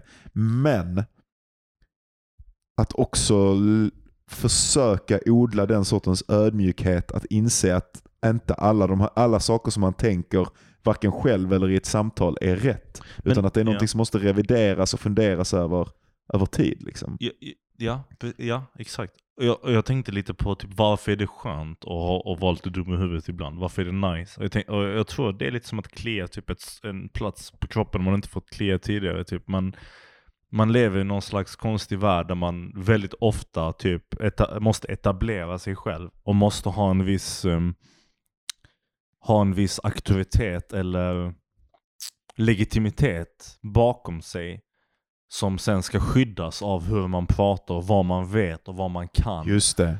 Och det är skönt att typ vara ärlig i ett ögonblick. Ja. Genom att inte bara vad man säger utan också hur man säger det och typ vara okej med det. Ja. För att då bara slipper man det. Och jag tror Det är en frihet. Ja, det är en frihet, för det, exakt. det är att, det är, på något sätt är det att, att, att, att skina ett ljus in i delar av sig själv där man inte har varit. Eller så här. Det Ja. är att, det, det ja, vad fan är det för någonting? Man är ju inte den personen som har, det, det verkar om man lyssnar på podcast eller man läser böcker som att alla människor är smartare än en själv. ja, ja. Därför att, därför att man läser och kommer i kontakt med folk som kan literally en sak. Precis. Som uttrycker sig om literally en sak. Mm. Men många av de här frågorna som vi pratar om, Mm. liksom ondska, konst, jada jada jada, eh, moral, eh, framtidsdrömmar och sånt. Det är också någonting som måste kunna pratas Mm. om av folk som inte vet. Mm. För att det är någonting som alla människor måste prata om. Ja, ja, alla människor ja. måste ha någon sorts förhållande till Mm. det. Och, jag tror, och, och jag tror också att en del av det är kanske extra kul att lyssna på som en, eller göra detta, som detta vad du säger som är kul att lyssna på nu, det är riktigt charmigt. jag menar inte så, men jag menar, låt mig, låt mig avsluta meningen. Att, ehm, att om du är en upptäckande typ av tänkare som inte riktigt, som jag, typ så här, alltså så här, så här fungerar jag. När jag. Jag har sagt det tidigare i podden och jag har snackat med dig om det tidigare, men när jag, när jag tänker på någonting, till exempel jag är i klassrummet och jag, har någon, jag är på någon, under någon lektion i universitetet och läraren eller professorn frågar en fråga. Och så räcker jag upp handen innan jag vet vad jag ska säga. Ja, för det. att jag är lite sån som upptäcker Medan man pratar. Precis, right. Och för mig är därför också samtalet så stimulerande. För Ja. att det är då jag kommer på sakerna jag egentligen tycker och Ja, ja, egentligen ja, ja. känner. Eh, och jag får tillgång till dem. Så att, och jag tror också att om man är någon, den typen av människa, för jag tror inte alla är den typen, jag tror vissa människor har kanske lättare Tänker, tänker sina- in i huvudet. Ja, liksom. exakt. Ja. exakt. Och, men om man är den typen av människa så kanske en podd som denna, när man faktiskt samtalar sig fram till slutsatsen, har, är typ lite attraktiv. Om du fattar vad jag menar. Jag, jag föreställer mig det i alla fall. Jag bara hoppas det. Ja, men jag tror, jag tror att, jag, för, det, för mig är det därför det är kul att typ, alltså, göra den. Det, är Ja. det, det är därför det, för att jag liksom vet inte riktigt kanske var jag, ja som det här med skutern, jag vet, jag vet inte. Det känns, det, jag är skit, det, ska, det är kul, därför jag tänker, men det, bara för, nu hoppar jag tillbaka Nej, mellan ämnena. Att jag tänker att, att den frågan som du är intresserad av där, men det är nästan en sån själslig fråga som du måste komma åt. Jag tror detta i alla fall. är, är att, eh, är jag, jag sa det en gång där snabbt men det var så övergående, ja. att i dig själv förstå hur eh, attachments kan uppstå Mm. utan rationell grund. Mm. Det är ju någonting som man bara kan titta inom sig själv. Jag har ju precis, jag har ju precis bara typ förnimmat det. Ja, alltså precis. med skotern. Ja. Så ge mig några dagar och typ så här fundera på det Ja. lite. Och så kanske du vet, det kommer till någonting intressant. Och det kan, för, för, för man kan leta i sig själv överhuvudtaget. Jag tänker att det finns en, en djupare sanning om hur vi är som varelser Ja. i den här tanken att faktiskt de flesta grejerna, alltså jag, jag tänker på mig själv ofta som open-minded, Mm. därför jag tänker på mig som politisk open-minded och Mm. sånt. Men jag är verkligen inte det. Alltså när det kommer till så här att göra vissa sorters nya grejer som ligger utanför, alltså typ med äventyrsgrejer och sånt så är jag jävligt på det och jag Mm. kan våga ta risker och sånt. Men när det är typ en, alltså så här, få mig att spela jävla volleyboll på en jävla fest eller få mig att fucking hänga med på en jävla sportgrej du ska göra. En sån fucking dröm kompis. Eh, och jag, alltså jag är så jävla jävla jävla sliten. Och det är ju det, alltså jag kan säga att det är för att jag, jag vet vad jag gillar men fan jag, du vet. Det är också bara att det är jävla berättelsen om mig Mm. är att jag står över det på Mm. någon vänster. Mm. Och jag, fast jag fattar att det inte finns någonting stå över Mm. så är det ändå berättelsen om mig. Och jag måste verkligen konfrontera mig själv Mm. för att inse att jag egentligen inte har någon grund och kanske till och med skulle tycka att det var roligt om jag följde med. Mm. Ehm, Jag är samma sak med, med typ så här när vi till exempel har varit på, när, tidigare innan corona så hade vi någon hemmafest här för några år sedan. Och så gick alla vidare ut till någon klubb efteråt. Och jag, jag tyckte det var så jävla trevligt här. Vi bara hade sånt Ja, fan, riktigt kul samtal. och du om- attached oj, till en viss atmosfär. Ja, till exakt, stämning. exakt. Det kan man, ja. Och sen bara skulle alla gå till den här jävla klubben och så var jag där i typ fem minuter och bara, ja, vi ses. Och så gick jag, jag kände mig skitbull. Ja. Men jag kunde inte komma in i den. kom in. Jag bara hade det inte någonstans i mig tillgängligt att bara sätta mig ner på det jävla högljudda golvet med massa människor som skrek fulla och bara ha samma typ av sköna känsla fast med ljud bakom mig och massa skit. Det gick inte, men det är som du säger också en, en konstig typ av ehm, be, eh, attachment till, till ett ögonblick som man bestämt sig är det sköna och det trevliga. Ja. Och sen är man inte villig liksom att släppa loss och bara gå vidare till nästa tillgängliga någon, rum. gång, Liksom. någon gång har du ju tyckt att, eh, att det är roligt på Ja, klubb. ja, liksom. ja, ja. Så det är, på något sätt är det bara att du har berättat berättelser om att det som kvällen måste vara är det Precis. mysiga. Och det, och det här är ju det här är skillnaden mellan attachment och liksom att bara vara i nuet. Liksom. Du skulle ju bara kunnat vara på festen som alla andra var, på Ja. den första festen, som hade lika mysigt som dig och härligt. Ja. Eh, och sen gå vidare till nästa ställe och bara fatta att det här är en ny kontext Exakt. och nu har jag roligt på det här sättet. Men någonting i din personlighet, eller Ja, någonting i, inte ens i din personlighet, någonting Jo det är ju din personlighet men det är någonting i dig som reagerar på och skriver berättelsen om att ja det här är det som kvällen ska vara. Precis. Nu har jag positiva känslor. Det kan bara vara positiva känslor Mm. om det är på det här sättet som jag nu har gjort mig bekväm Mm. i. Och, och det som är så sjukt med att prata om detta, det är att man känner ju redan nu hur det lossar i kroppen. Och hur man skulle bara, bara, bara bli liksom påmind om den, den saken. Ja. Eh, han potentiellt hade kunnat hamna i det sköna nu, nu, nu-känslan där man bara inte bryr sig om, Ja. om narrativet längre. Eh, vilket är ännu en positiv aspekt av att prata i samtalsformat. Det här är så sjukt för, detta, för det är ju en, eh, det är ju, det är ju en av huvudgrejerna som man jagar i meditation. Liksom. Och en sån grej som är så jävla sjuk, med, eller som är så jävla intressant med vad fan det är för någonting med typ meditations, eh, med snack om meditation eller snack om, medit, nu gör jag situationstecken här, meditations eller andlighetsrelaterade koncept.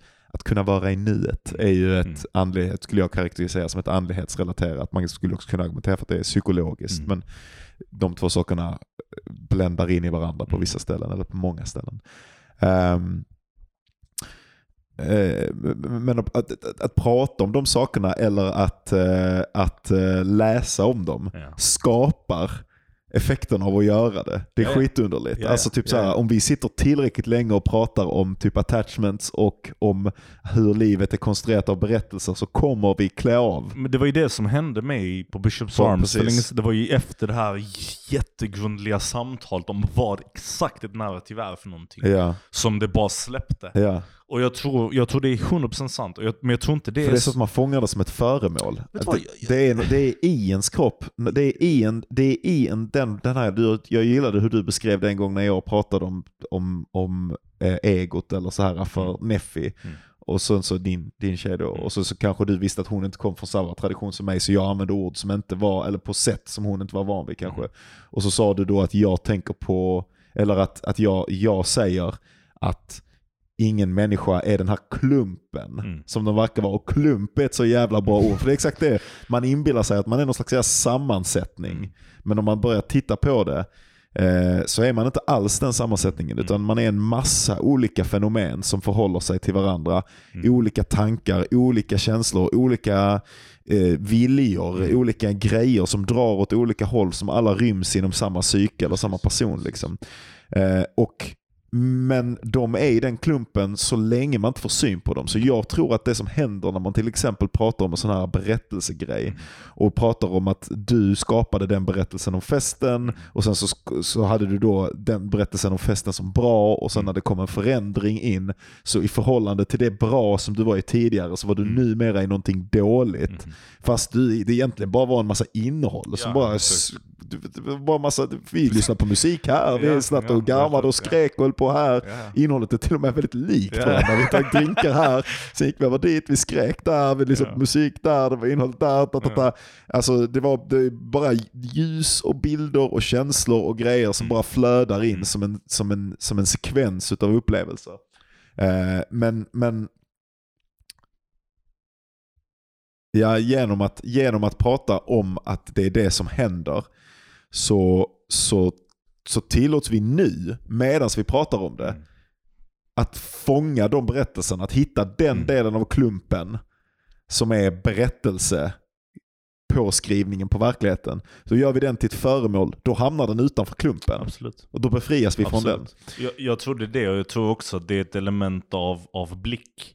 Ehm, det, är, eller, det är ett element av blick, det är att titta på det. Ja. Att titta på det separerade. Ja. ja, det är hela meditations, vad det är för någonting. Men att just narrativet kan tittas på. Och för att kunna titta på någonting så tror jag också man måste liksom ha vokabuläret. Och det får man genom samtalet. Mm. Så jag tror det är det som händer i alla fall för mig. Att, att när vi pratar om narr- narrativet exempelvis. Så bara blottar vi det och vi, och vi, skapar, vi skapar ord för de sakerna som annars är en väldigt svårbeskriven känsla. Till slut kan jag förklara vad narrativet är. När jag tidigare inte ens kunde konceptualisera det. Just det. Och när jag kan förklara det så kan jag titta på det. När jag kan titta på det så kan jag separera det från mig själv. Och då plötsligt blottar det sig. Och det som är intressant, för det som är intressant är då att vi säger att vi har rätt och ha fel, eller sådär, att vi, har, att vi är rädda för att ha, ha fel. Och vad det innebär det är ju att vi någonstans har en känsla för vad som är rätt. Ja. Alltså så att man, vi har kastat någonting, vi bara Mm. fan. Men det är ju verkligen att man går in på det från fel håll. Man tänker att vi ska berätta, eller Mm. till och med i samtalet så tänker man att vi sitter och berättar saker som vi redan vet. Men det är ju det man inte gör i samtalet. Nej, nej, utan nej, man sitter och har fel tills man har rätt. precis. tills man precis, hittar det. Precis. Eh, och det, ja, det är svinnice. Jag hade en sån, eh, hade en sån fin promenad med min polare igår. Jag har en polare som är riktigt, riktigt seriös eh, meditatör. Mhm. Och jag har ju dragit upp min meditation igen nu. Jag sitter två timmar plus om dagen nu. Mhm. Eh, och ibland, ganska ofta två timmar i sjok. Mhm. Eh, så jag sitter liksom utan paus. Eh, och då, och så, så har jag, håller jag på och testar lite nya grejer som gör att det känns som att jag får lite nya insikter. Eller har, Mhm. att, att jag kommer åt ännu mer grejer. Så, och dessutom gör det mitt skrivande så jävla mycket lättare Mm. och mycket mindre resistance och allting sånt. Ehm, men, eh, men, men så hänger jag med den här killen och den här killen är hardcore. Han mediterar sex-ish timmar om dagen. Okej. Samtidigt som han har en unge, samtidigt som han har en massa jävla grejer för sig. Den är en riktig galning. Ehm, och är mega, mega seriös. Men så, så har han, och så, så hans tjej med där också, men, men ehm, de, eh, ja, det, det blir alltid så när man ska bara prata med en. Man kan heller inte bara ha samtal med en människa, så jag tror Mm. att han känner sig lite sådär att han inte, nu har han sagt allting, han måste säga allting som han sagt till henne Mm. till någon mer. Ja, ja. Och sen så är det är så, så få människor som ju faktiskt gör det Ja. som vi gör, som lägger så mycket tid på det. Liksom. Eh, och han lägger ju mycket mer tid än mig. Men det var riktigt, riktigt fint att få lov att prata om alltså den här absurda verkligheten som man kommer i kontakt med om Mm. man lägger mycket tid på meditation. Liksom. Eh, Att och- kunna skapa, skapa ord för de här sakerna. Ja, och som- verkligen att se, och, och se hur upplevelserna möts. Ja. Alltså det är någonting som är så fucking underligt med att, Ja. alltså fast varför skulle man förvänta sig att det var annorlunda Nej, än nej, att som nej. man tittade på, på sinnets byggstenar så var det likadant för varje Mm. Psyke, eller väldigt likt i alla fall. Det finns väl någon skillnad liksom Ja, i, men det är lite dumt om man blir överraskad. Ja liksom. men det är ändå Ja, någonting som är så ja. mystiskt Ja, med ja, det det. att man kan sitta och bara bryta ner verkligheten, Är det inte bryta bara ner för att det bara är inte lättillgängligt i ditt vardagliga liv och därför bara, alltså inte någonting som du har kunnat jämföra med andra människor. Alltså det är väl bara en sån enkel sak. Jo, du jo, men- har inte riktigt gjort det innan. Nej, så men det- därför är det mystiskt och konstigt.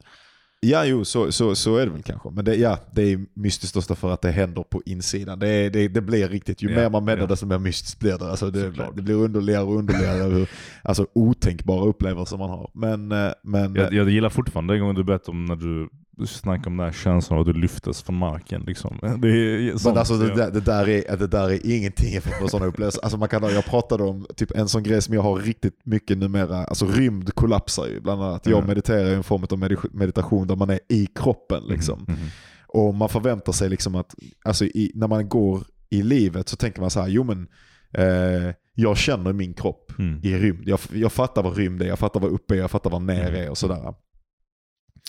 Men det där, om man sitter och mediterar länge så kan man liksom på något sätt se att rymd är, konstrueras i sinnet. Mm. Såklart, var, var skulle det komma ifrån annars? Vi har ju för fan en hjärna som bearbetar våra ljus och som bearbetar Mm. ljud och som, bear, och som, som bearbetar sensorisk data Mm. och som på något sätt måste generera inom varenda enskild människas huvud Mm. känslan av att ja, men jag har en... Ja, och då kan man tänka att det sammanstämmer med verkligheten eller så kan man inte tänka det. Det får man ju, det får varje människa avgöra för sig själv. Eh, har vi en, är verkligheten allt det vi ser eller kan det finnas massa annat som vi inte har tillgång till? Typ bara enkla saker som fler dimensioner eller sådana där grejer. Vilket fysik, många fysiker tror till exempel. Ehm, men, ehm, men, men, men, men, men man kan till exempel, alltså jag har ofta eh, känslan då för jag mediterar mycket från huvud till tår. Mhm. Alltså att jag går upp och ner. Och då är toppen av mitt huvud och spetsen Mm. på mina tår på samma ställe. Att flytta från det, alltså även fast jag har gått, jag har känslan av att jag går från toppen och så går jag mycket Mm. långsamt Mm. ner. Grej för grej för grej för grej för grej ner till jag kommer ner till min botten. Men när jag sen ska hoppa över till mitt huvud igen så är det nästan bara som att jag bara pip, alltså jag flyttar en sån, alltså en sån liten liten grej att jag nästan inte flyttar alls. Jag kan nästan bara Mhm. och, och så gör man det tillräckligt mycket eller stannar så kan jag ibland vara både på toppen, jag kan fokusera på en punkt som är både på toppen av mitt huvud och spetsen av mina tår samtidigt. Och ju, om jag gör det länge så börjar rymden helt och hållet kollapsa. Alltså, man kan typ se hur hjärnan konstruerar rymd och hur mycket utav hur oklart det faktiskt är, hur lite förståelse man faktiskt har för vad sina olika kroppsdelar. Ja men därför att det enda man egentligen typ har tillgång till i sitt vardagliga liv, om man inte funderar för mycket på det, det är typ tankens uttryck och inte dens underkonstruktion. Ja, precis. Och det betyder ju att det finns någonting som är som bas Ja. för allt det där som är dina tankar. Och så manifesterar de. Liksom. Ja, ja, exakt. När jag var liten exempelvis så brukade jag, jag kommer ihåg att jag brukade ligga i sängen och så brukade jag tänka ett ord. Upprepade, eh, upprepade ordet i huvudet. Exempelvis nej, nej, nej, nej, nej. Och sen under det, ett skikt under, så tänkte jag på ett annat ord. Och jag föreställer mig att det var som skikt. Där jag kunde tänka mer och mer och mer och mer nya ord liksom under varje skikt. Så att Mm. jag kunde se hur många simultana tankar jag kunde ha liksom på varandra eller under varandra. Och, och när man gör det, det är inte så svårt egentligen. Det kan man nog vem som helst göra. Bara sitta och tänka flera saker samtidigt och försöka Ja. vara medveten om dem. Ja. Då vad som händer är att du typ får ett fysiskt rum i huvudet. Ja. Där du ser så här nästan en fysisk skillnad mellan det översta, översta skiktet av tankar Just och det det. nedersta. Och då har du skapat ett utrymme inom dig själv. Och du har inte skapat det, fanns alltid där. Det är bara att du kan nu se det. Ja, du kunde det- inte tidigare. För det som händer är ju, det här, så, här, eh, så här tror jag att det nu ska, nu ska jag koppla Kant till meditationsgrejer. Eh, Kant säger att det inre sinnet, det inre sinnet organiseras i tid. Det vill säga det som rör, eh, för honom, typ, tror jag, typ känsloförändringar och sånt. Han tänker inte på dem som i rymd. Därför att det är de ju inte när man Mm. går under med ögonen öppna. Och har man aldrig valt att titta nära på det sättet som Mm. du beskriver, eh, eller som, som man gör i meditation, Mm. så, så det, har man inte så mycket känsla av det här eh, av en inre rymd. Mm. Och egentligen finns det ju ingen inre rymd. Men vad han också säger det är att rymd, det är sättet för oss, så om det inre sinnet och dess föremål, ilska, glädje, ehm, ja, ja, olika känslor, olika känslolägen, eh, sådär, det organiseras i tid. Mm. Olika saker som händer inom oss, våra förnimmelser, det, så som vi kan känna att vi eh, existerar, det är genom att, att se hur de här sakerna förändras ögonblick till ögonblick. Eh, och det yttre sinnet, eh, det, dess sätt att organisera sina föremål är genom rymd. Mhm. Så det här, alltså inte att rymd inte det behöver inte betyda att det inte finns någonting som typ korrelerar till rymd där utanför oss. Men den här känslan som vi har av någon slags utsträckthet, Ja. alltså den själv, det här fin, det är ju konstruerat inom oss. Ja. Ehm, och liksom för att kunna avgöra, alltså, ja, avstånd och, ja, nu, nu är det en del av konstruktionen. Det här är skitsvårt att prata om därför att det är verkligen på ytterkanten av vad jag, vad jag kan översätta till språk. Liksom. Men i alla fall, de yttre föremålen organiseras eh, i förhållande till oss genom rymd i hans idé. Mm. Och det som händer när man, om man stänger ögonen och tittar väldigt nära på tankarna, det är ju att de yttre föremålen, eh, de försvinner ju iväg och så gör man ju de inre föremålen som tankar Mhm. och förnimmelser Mhm. till yttre föremål. Alltså Okej. man, man, det här är vad jag tänker. Ja. Ja. Och då börjar ju genom att förvandla, som vi sa med narrativen, men också genom att förvandla, att istället för att tanken är en del utav ens inre person som är i förhållande till en yttre rymd, så är tankarna en yttre grej som är förhållande till ens inre observatör, den som tittar på tankarna. Jag fattar inte. Okej. Det, det, det, ja, jag förstår inte vad du menar. Okej. Jag, eller jag, jag förstår att det är någonting Jag tror där. att, jag vill tror att, jag tror att, jag tror att tanken, okej, jag tror att en, det, ett, ett av de enda sätten som tanken har en möjlighet att organisera föremål är i rymd. Ja. Och därför tror jag att när man börjar fokusera på tankarna och eh, på, på eh, förnimmelserna Ja. som skilda från en själv, alltså som objekt, Ja. Så, så, så måste de organiseras i rymd. Hjärnan måste skapa känslan av en utsträckthet även inom en själv. Okej. Därför att den har bara rymd och tid för att organisera. Exakt, det är det enda. Det, och det är därför också man mediterar riktigt länge så har man, alltså vi kan, vi kan inte ens tänka oss ett, ett eh, vi, vi, kan egentligen vi kan inte tänka oss ett tillstånd som är någonting annat än tredimensionellt och i tid. Mhm. Alltså vi kan inte tänka oss, så när man mediterar riktigt länge och man får ett riktigt tyst ögonblick som är en av de möjliga upplevelserna som man kan ha. Mhm. Vad är kvar då? Jo det är ett tomrum. Och det är tomrum som existerar i rymd. Ja. Jag tror att man ser på något sätt liksom de ursprung, det ursprungliga sättet för vår hjärna att organisera något. Det som känns som att man är i ett evigt space Ja. är egentligen bara, eller bara, det är skithäftigt. Det är att man ser hjärnans absoluta mest basala form. Mhm. Vilket är utsträckning som händer över ett sjok av tid. Mm. Whatever vad man ska Mm. kalla det. Är det liknande till det jag pratat om för länge sedan med dig utanför podden med för att komma tillbaka till narrativet men ett, ett annat typ av narrativ som, som jag tidigare kallat kategorier. Men att det verkar finnas en det finns en konstig upplevelse som inträffar när man tittar på någonting väldigt bekant jättelänge. Och så inser man att de komponenterna som skapar helheten i det man tittar på egentligen bara är ett brus. Ja, precis. Och så fattar man att Det kan man titta, det kan man, om man lyssnar på detta nu kan man titta på vad som helst. Och så, och så verkligen titta på det så kan man se att där, det inte finns någon beständighet att titta på. Mm. Utan att man, det är nästan som en massa små pixlar Mm. eller någonting Ja, som, ja. som har olika ljusstyrka i Ja, varje ögonblick. Exakt, exakt. Och, det, och det, funkar, det, funkar bäst att göra det typ faktiskt för mig i alla fall på ett ansikte. Mhm. Och speciellt ett bekant ansikte. När jag var liten hade jag en sån teori jag kallar Brad Pitt-teorin. Och det var att det var långt innan jag formulerade den här idén om neurologi som en del av ens upplevelse av verkligheten. Men då, då satt jag en dag, jag kommer ihåg väldigt tydligt, jag, jag satt i gympasalen eh, i tvåan eller trean, tittade mig själv i spegeln. Och sen så hade jag en, ett, jag, har, ett- alltså jag är bekant med mitt eget ansikte, jag vet ju hur jag ser ut och jag har en känsla av hur jag ser ut. Mhm. Som, om man faktiskt funderar på det, känns likadant som ett narrativ känns. Det har Mhm. typ en, en bekanthet till sig. Mhm. Det är som en trope typ. Mhm. Jag vet någonting om det. Och det är som att det är en kort, en, en shortcut till min upplevelse av mitt eget ansikte. Mhm. Och ju längre jag tittar på det så upplöses de här idéerna. Och så är det bara att jag ser det här bruset av ett ansikte. Mhm. Och sen tänkte jag på, jag undrar varför just min, upple mitt upplevelse, eller min upplevelse av mitt ansikte är den upplevelsen den är. Tänk så är den annorlunda för andra människor. Mhm. Och jag funderade på, till exempel när jag tittar på Brad Pitt.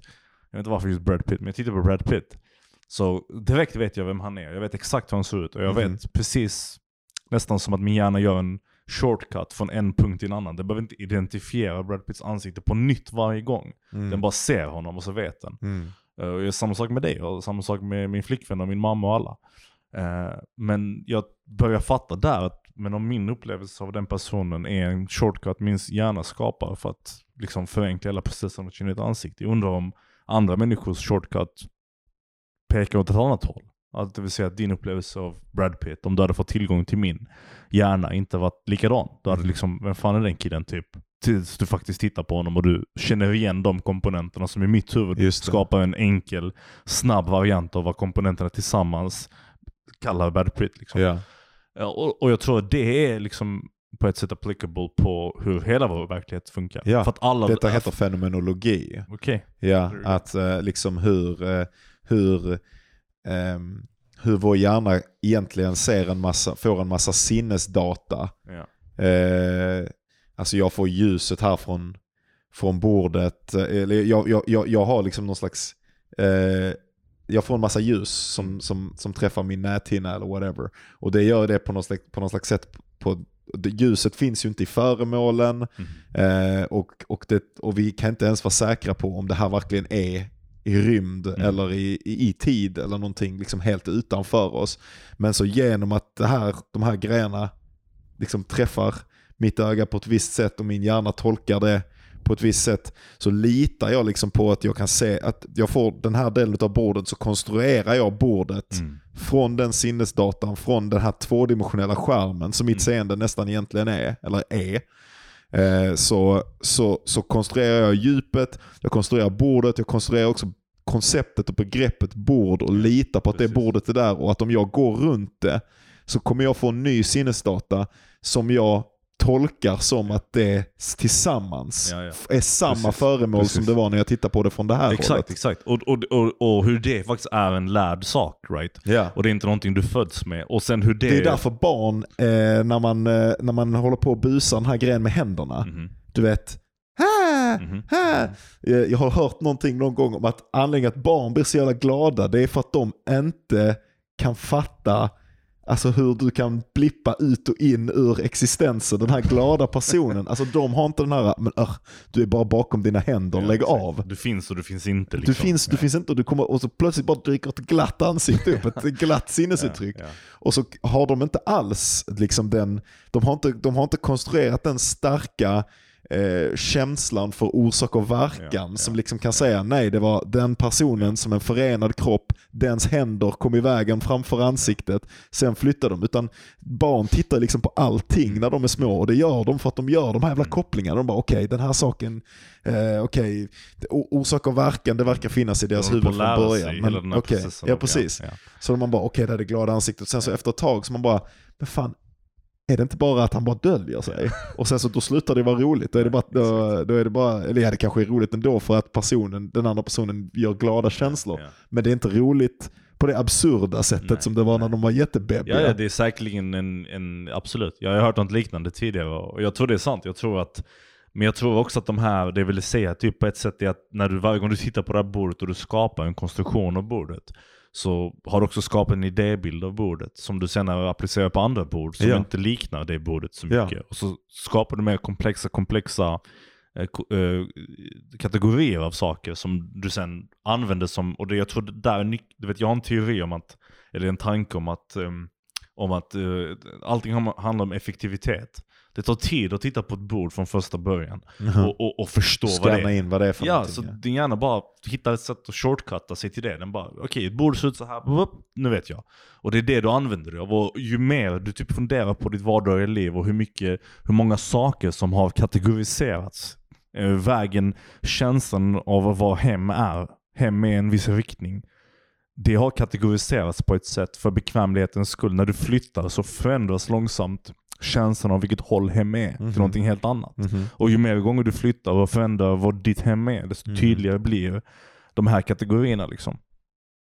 Eh, men det är en annan diskussion för en annan gång. För- Men jag vill egentligen vill komma till varför att när man kollar på det, är det det du pratar om när du pratar om, om det här utrymmet och de här absoluta grundläggande, det grundläggande sättet hjärnan upplever verkligheten på. Är det den, är det den typen av sak eller är det liksom Ja, ett steg Och längre att de, bort? saker, de sakerna, är, man kan se nästan hur att, att de inte är inneboende nödvändigtvis i alla fall i Ja. sakers karaktär genom att se att om man bara vänder, om man bara sluter ute världen genom att stänga sina ögon och vänder blicken inåt Mm. så ser man att då bara är exakt samma rymdsorganisation som jag tänker liksom att jag är här i rummet nu, är kvar i förhållande till Är det som att du ser verktygen hjärnan använder för att kategorisera verkligheten?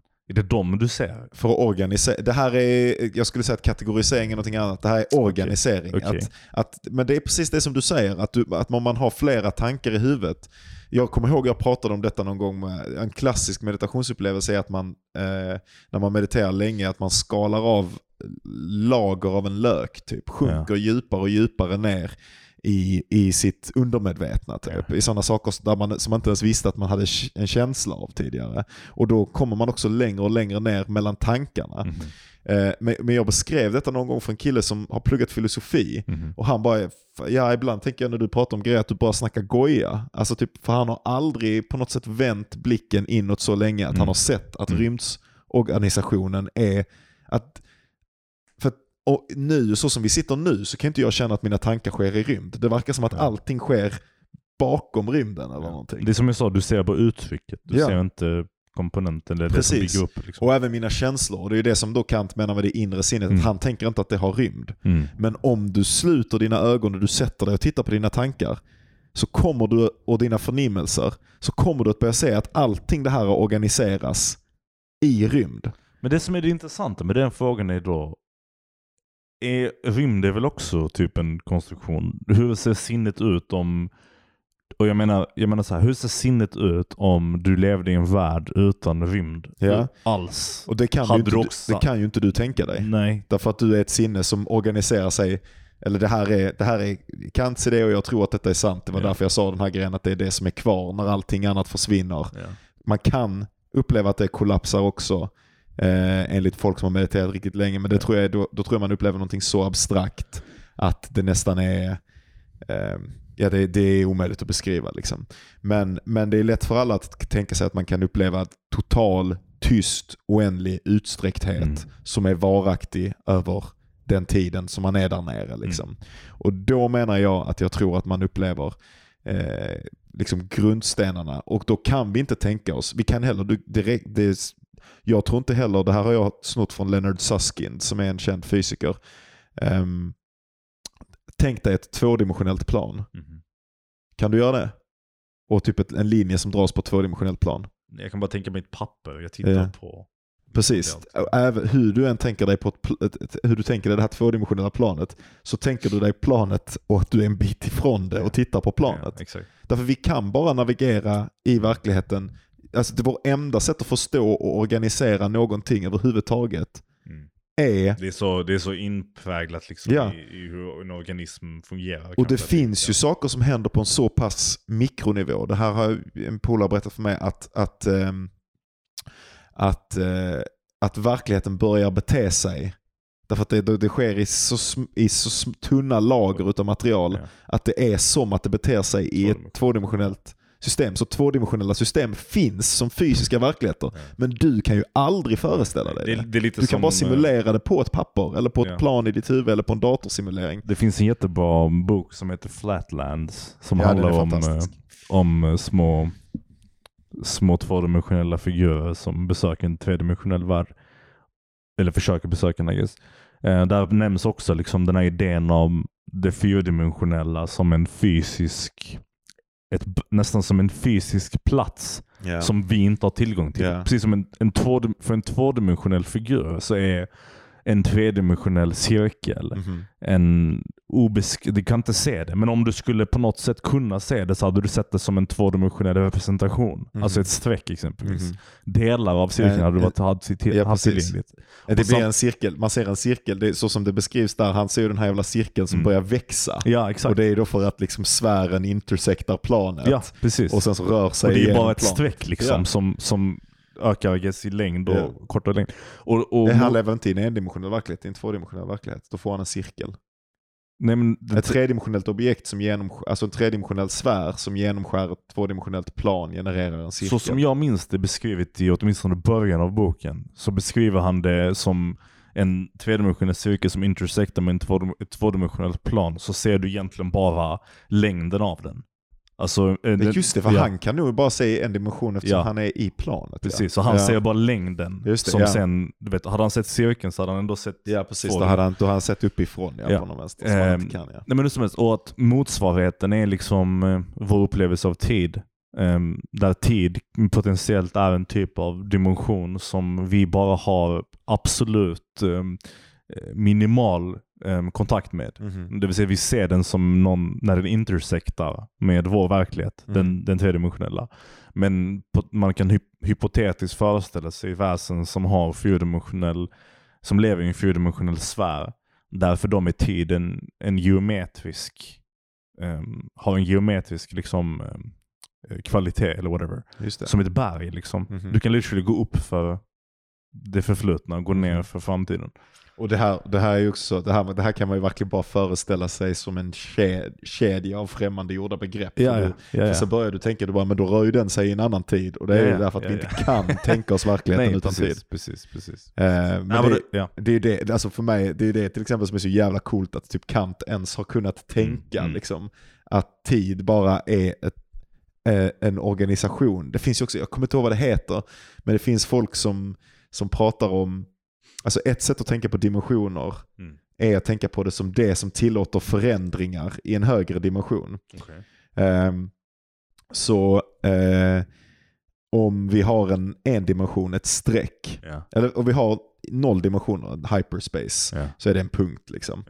Eh, och så, så får vi en dimension, då är det det som låter oss att förändra, vi drar ut den här punkten längs en bana, liksom, förändra den.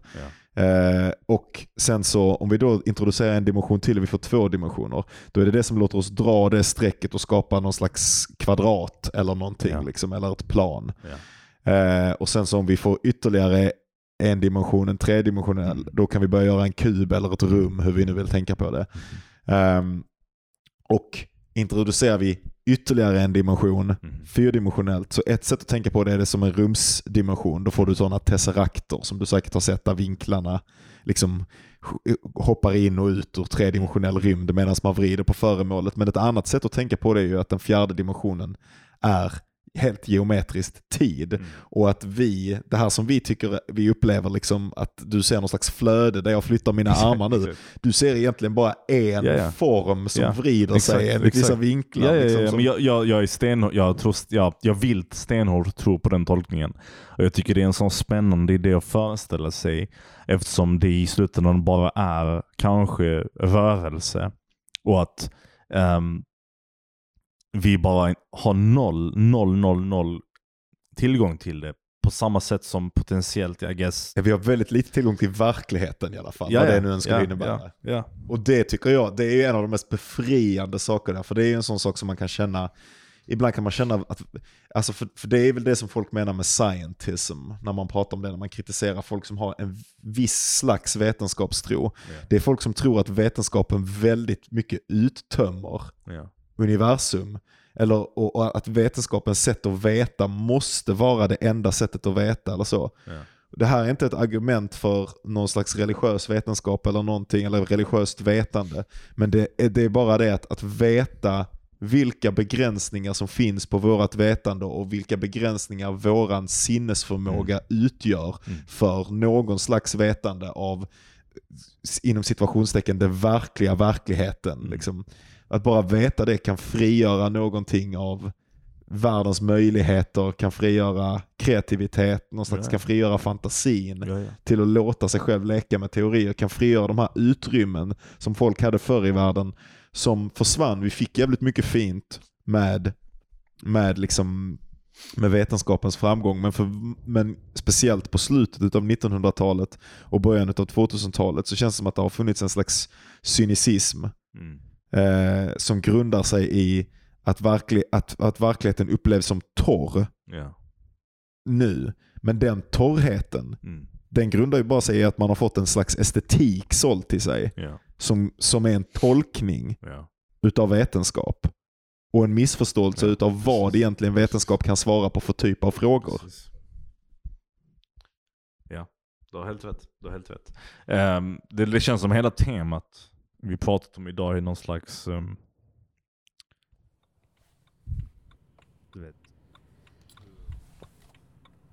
Alright, vi ska vara ärliga här. Det ni lyssnade på precis var inte eh, det bästa som någonsin har gjorts.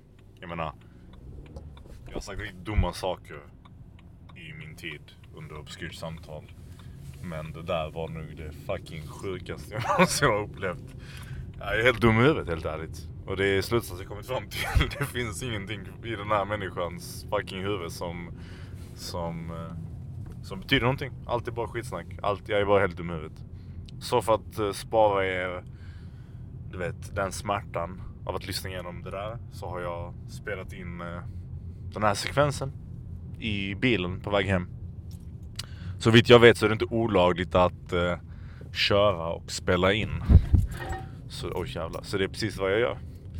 Eh, och det är, bara- det var ett stort förlåt. Ett ursäktande för min patetiska, patetiska prestation.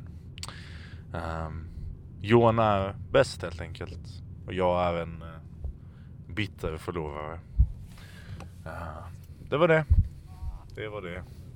Jag hoppas ni tyckte om resten av samtalet. Och eh, tro mig, eh, ni ska vara glada att eh, det som sker här i bakgrunden inte, inte publiceras. Det är det. Tack för idag. Adjö. Njut av resten av, av avsnittet. De sista fem minuterna. Eller vad det nu är för någonting kvar. För jag sitter i bilen. Jag har ingen aning. Jag har inte spelat redigera än. Ja. De narrativen. Just det. Alltså, Och detta har nog inte, och jag är nog inte, just det, jag vet inte om detta är exakt vad du försöker säga, men jag tror att en sån sak som jag är väldigt passionerad över, eller som känns viktig för mig, och som Mm. om, man, om någon annan inte tycker det är viktigt eller bara tycker det är flum så är det okej. Eh, Men, men, men för andra människor som har gått igenom, eller som känner likadant som jag har känt angående hur jobbigt det kan vara att leva i en sån värld där man inte, där man inte känner att man har liksom en frihet att välja typ eh, jag, jag vill i mitt eget skrivande och i, i regel i mina idéer och när jag pratar om andlighet och sånt, vad jag vill ha i mitt eget liv och jag, vad jag vill göra, vad jag vill försöka och framlyfta hos andra människor som vill ha det, är större frihet i det konstruerandet. Alltså konstruerandet Ja. av sin egen person som en, som en fri handling, som en kreativ handling. Ja. Konstruerandet av sin egen verklighet så som man förstår det som en del av, av ett kreativt utflöde Precis. ur var och varenda individ. Inte som Precis. någonting där man måste köpa en verklighetsmodell bara för att den korresponderar med en eller annan sak. Ja. Om en verklighetsmodell inte uppfyller det du vill ha Ja. verkligheten så finns där grunder för, alltså, Ja. det, du, kan ju också, du kan bara skita i det och göra vad du vill. Liksom. Det är ju många människor som gör det. Men om du är en sån person som ändå är grundad i, i rationalitet till exempel, Mm. att det känns viktigt att dina handlingar är rationella, så finns det solida argument för att frigöra Mm. din egen kreativa kraft Mm. och få lov att skapa den här känslan av att du är ett individuellt unikt jag för dig själv. Att du är precis den personen Mm. Som du vill vara och borde vara, men det är, det är inte kopplat till den yttre berättelsen, alltså din framgång eller sånt, för det kan ingen garantera dig. Men det kan vara kopplat till någonting om vilken berättelse du berättar om verkligheten. Mm. Och på, på, på olika sätt så är den eh, ja, den friheten är möjlig. Jag, jag vet inte om det var exakt det du var inne på, men... men Nej det var inte absolut, det var absolut inte det, men det var mycket bättre. det jag skulle säga vet jag inte ens, det var bara en liten fucking minimal bild. Alltså någon, någon liten sak som bara flashade förbi mina ögon när du pratade som jag bara, det här, det här vill jag säga. Och sen bara hade jag inte tillgång till det överhuvudtaget, troligtvis för jag är så fucking trött plötsligt. Det bara, det bara slog över mig fullständigt. Ehm, och, jag bara, och jag bara kunde inte komma ut ur det. Men skit i det. Eh, dagens avsnitt handlar om att vara dum i huvudet uppenbarligen. Och Tack så jättemycket för att ni har eh, fucking lyssnat, muchachos. Precis. Precis. Tack för att ni har lyssnat. Ehm, som vanligt, detta är nog det längsta avsnittet vi har gjort. Det här, den här sekvensen är en timme lång. Och det innan det var kanske 25 minuter. Och det innan det var kanske 30 minuter. Oj, vi får kanske kolla om det finns något fett att skära av. Nej, du, du, nej, du ska göra det ikväll. Ja. ja. det är det. Men eh, vi får se. Jag, jag klurar ut någonting. Vet du vad, vi gör ett litet, okej jag vet. Ja, men tack så jättemycket, vi, eh, vi pratar om det efteråt. Tack så jättemycket för att ni har lyssnat. Ja. Ehm, Dela med era vänner. De, Ja, dela, prat, be, be, berätta, berätta för folk. ja. Be, Men det har varit bra veckor på Ja, men- folk berättar. fast, Du vill att de ska berätta mer? Berätta mer! Berätta för alla dina vänner. Tvinga fucking gå och knacka på hos din Ja. granne. Det finns ingen gramsämja i det här jävla landet. Gå in, ta med dig en kaka, gör ett positivt intryck och så säg så här förresten, Vill du lyssna på det här? obskyrt samtal, vi kan ja. kommer över och lyssna tillsammans för fan. Det, det, det, Du har fått en ny kompis. Folk, ja, Ja. Det så sjukt. Det är exakt det det är. Och så kan istället för att ni ska ha ett samtal, och så kan ni lyssna på vi oss ha ett samtal. Det är ju bra som helst. Ja, Där har vi det. ja, ja. Tack så mycket, ha det fett.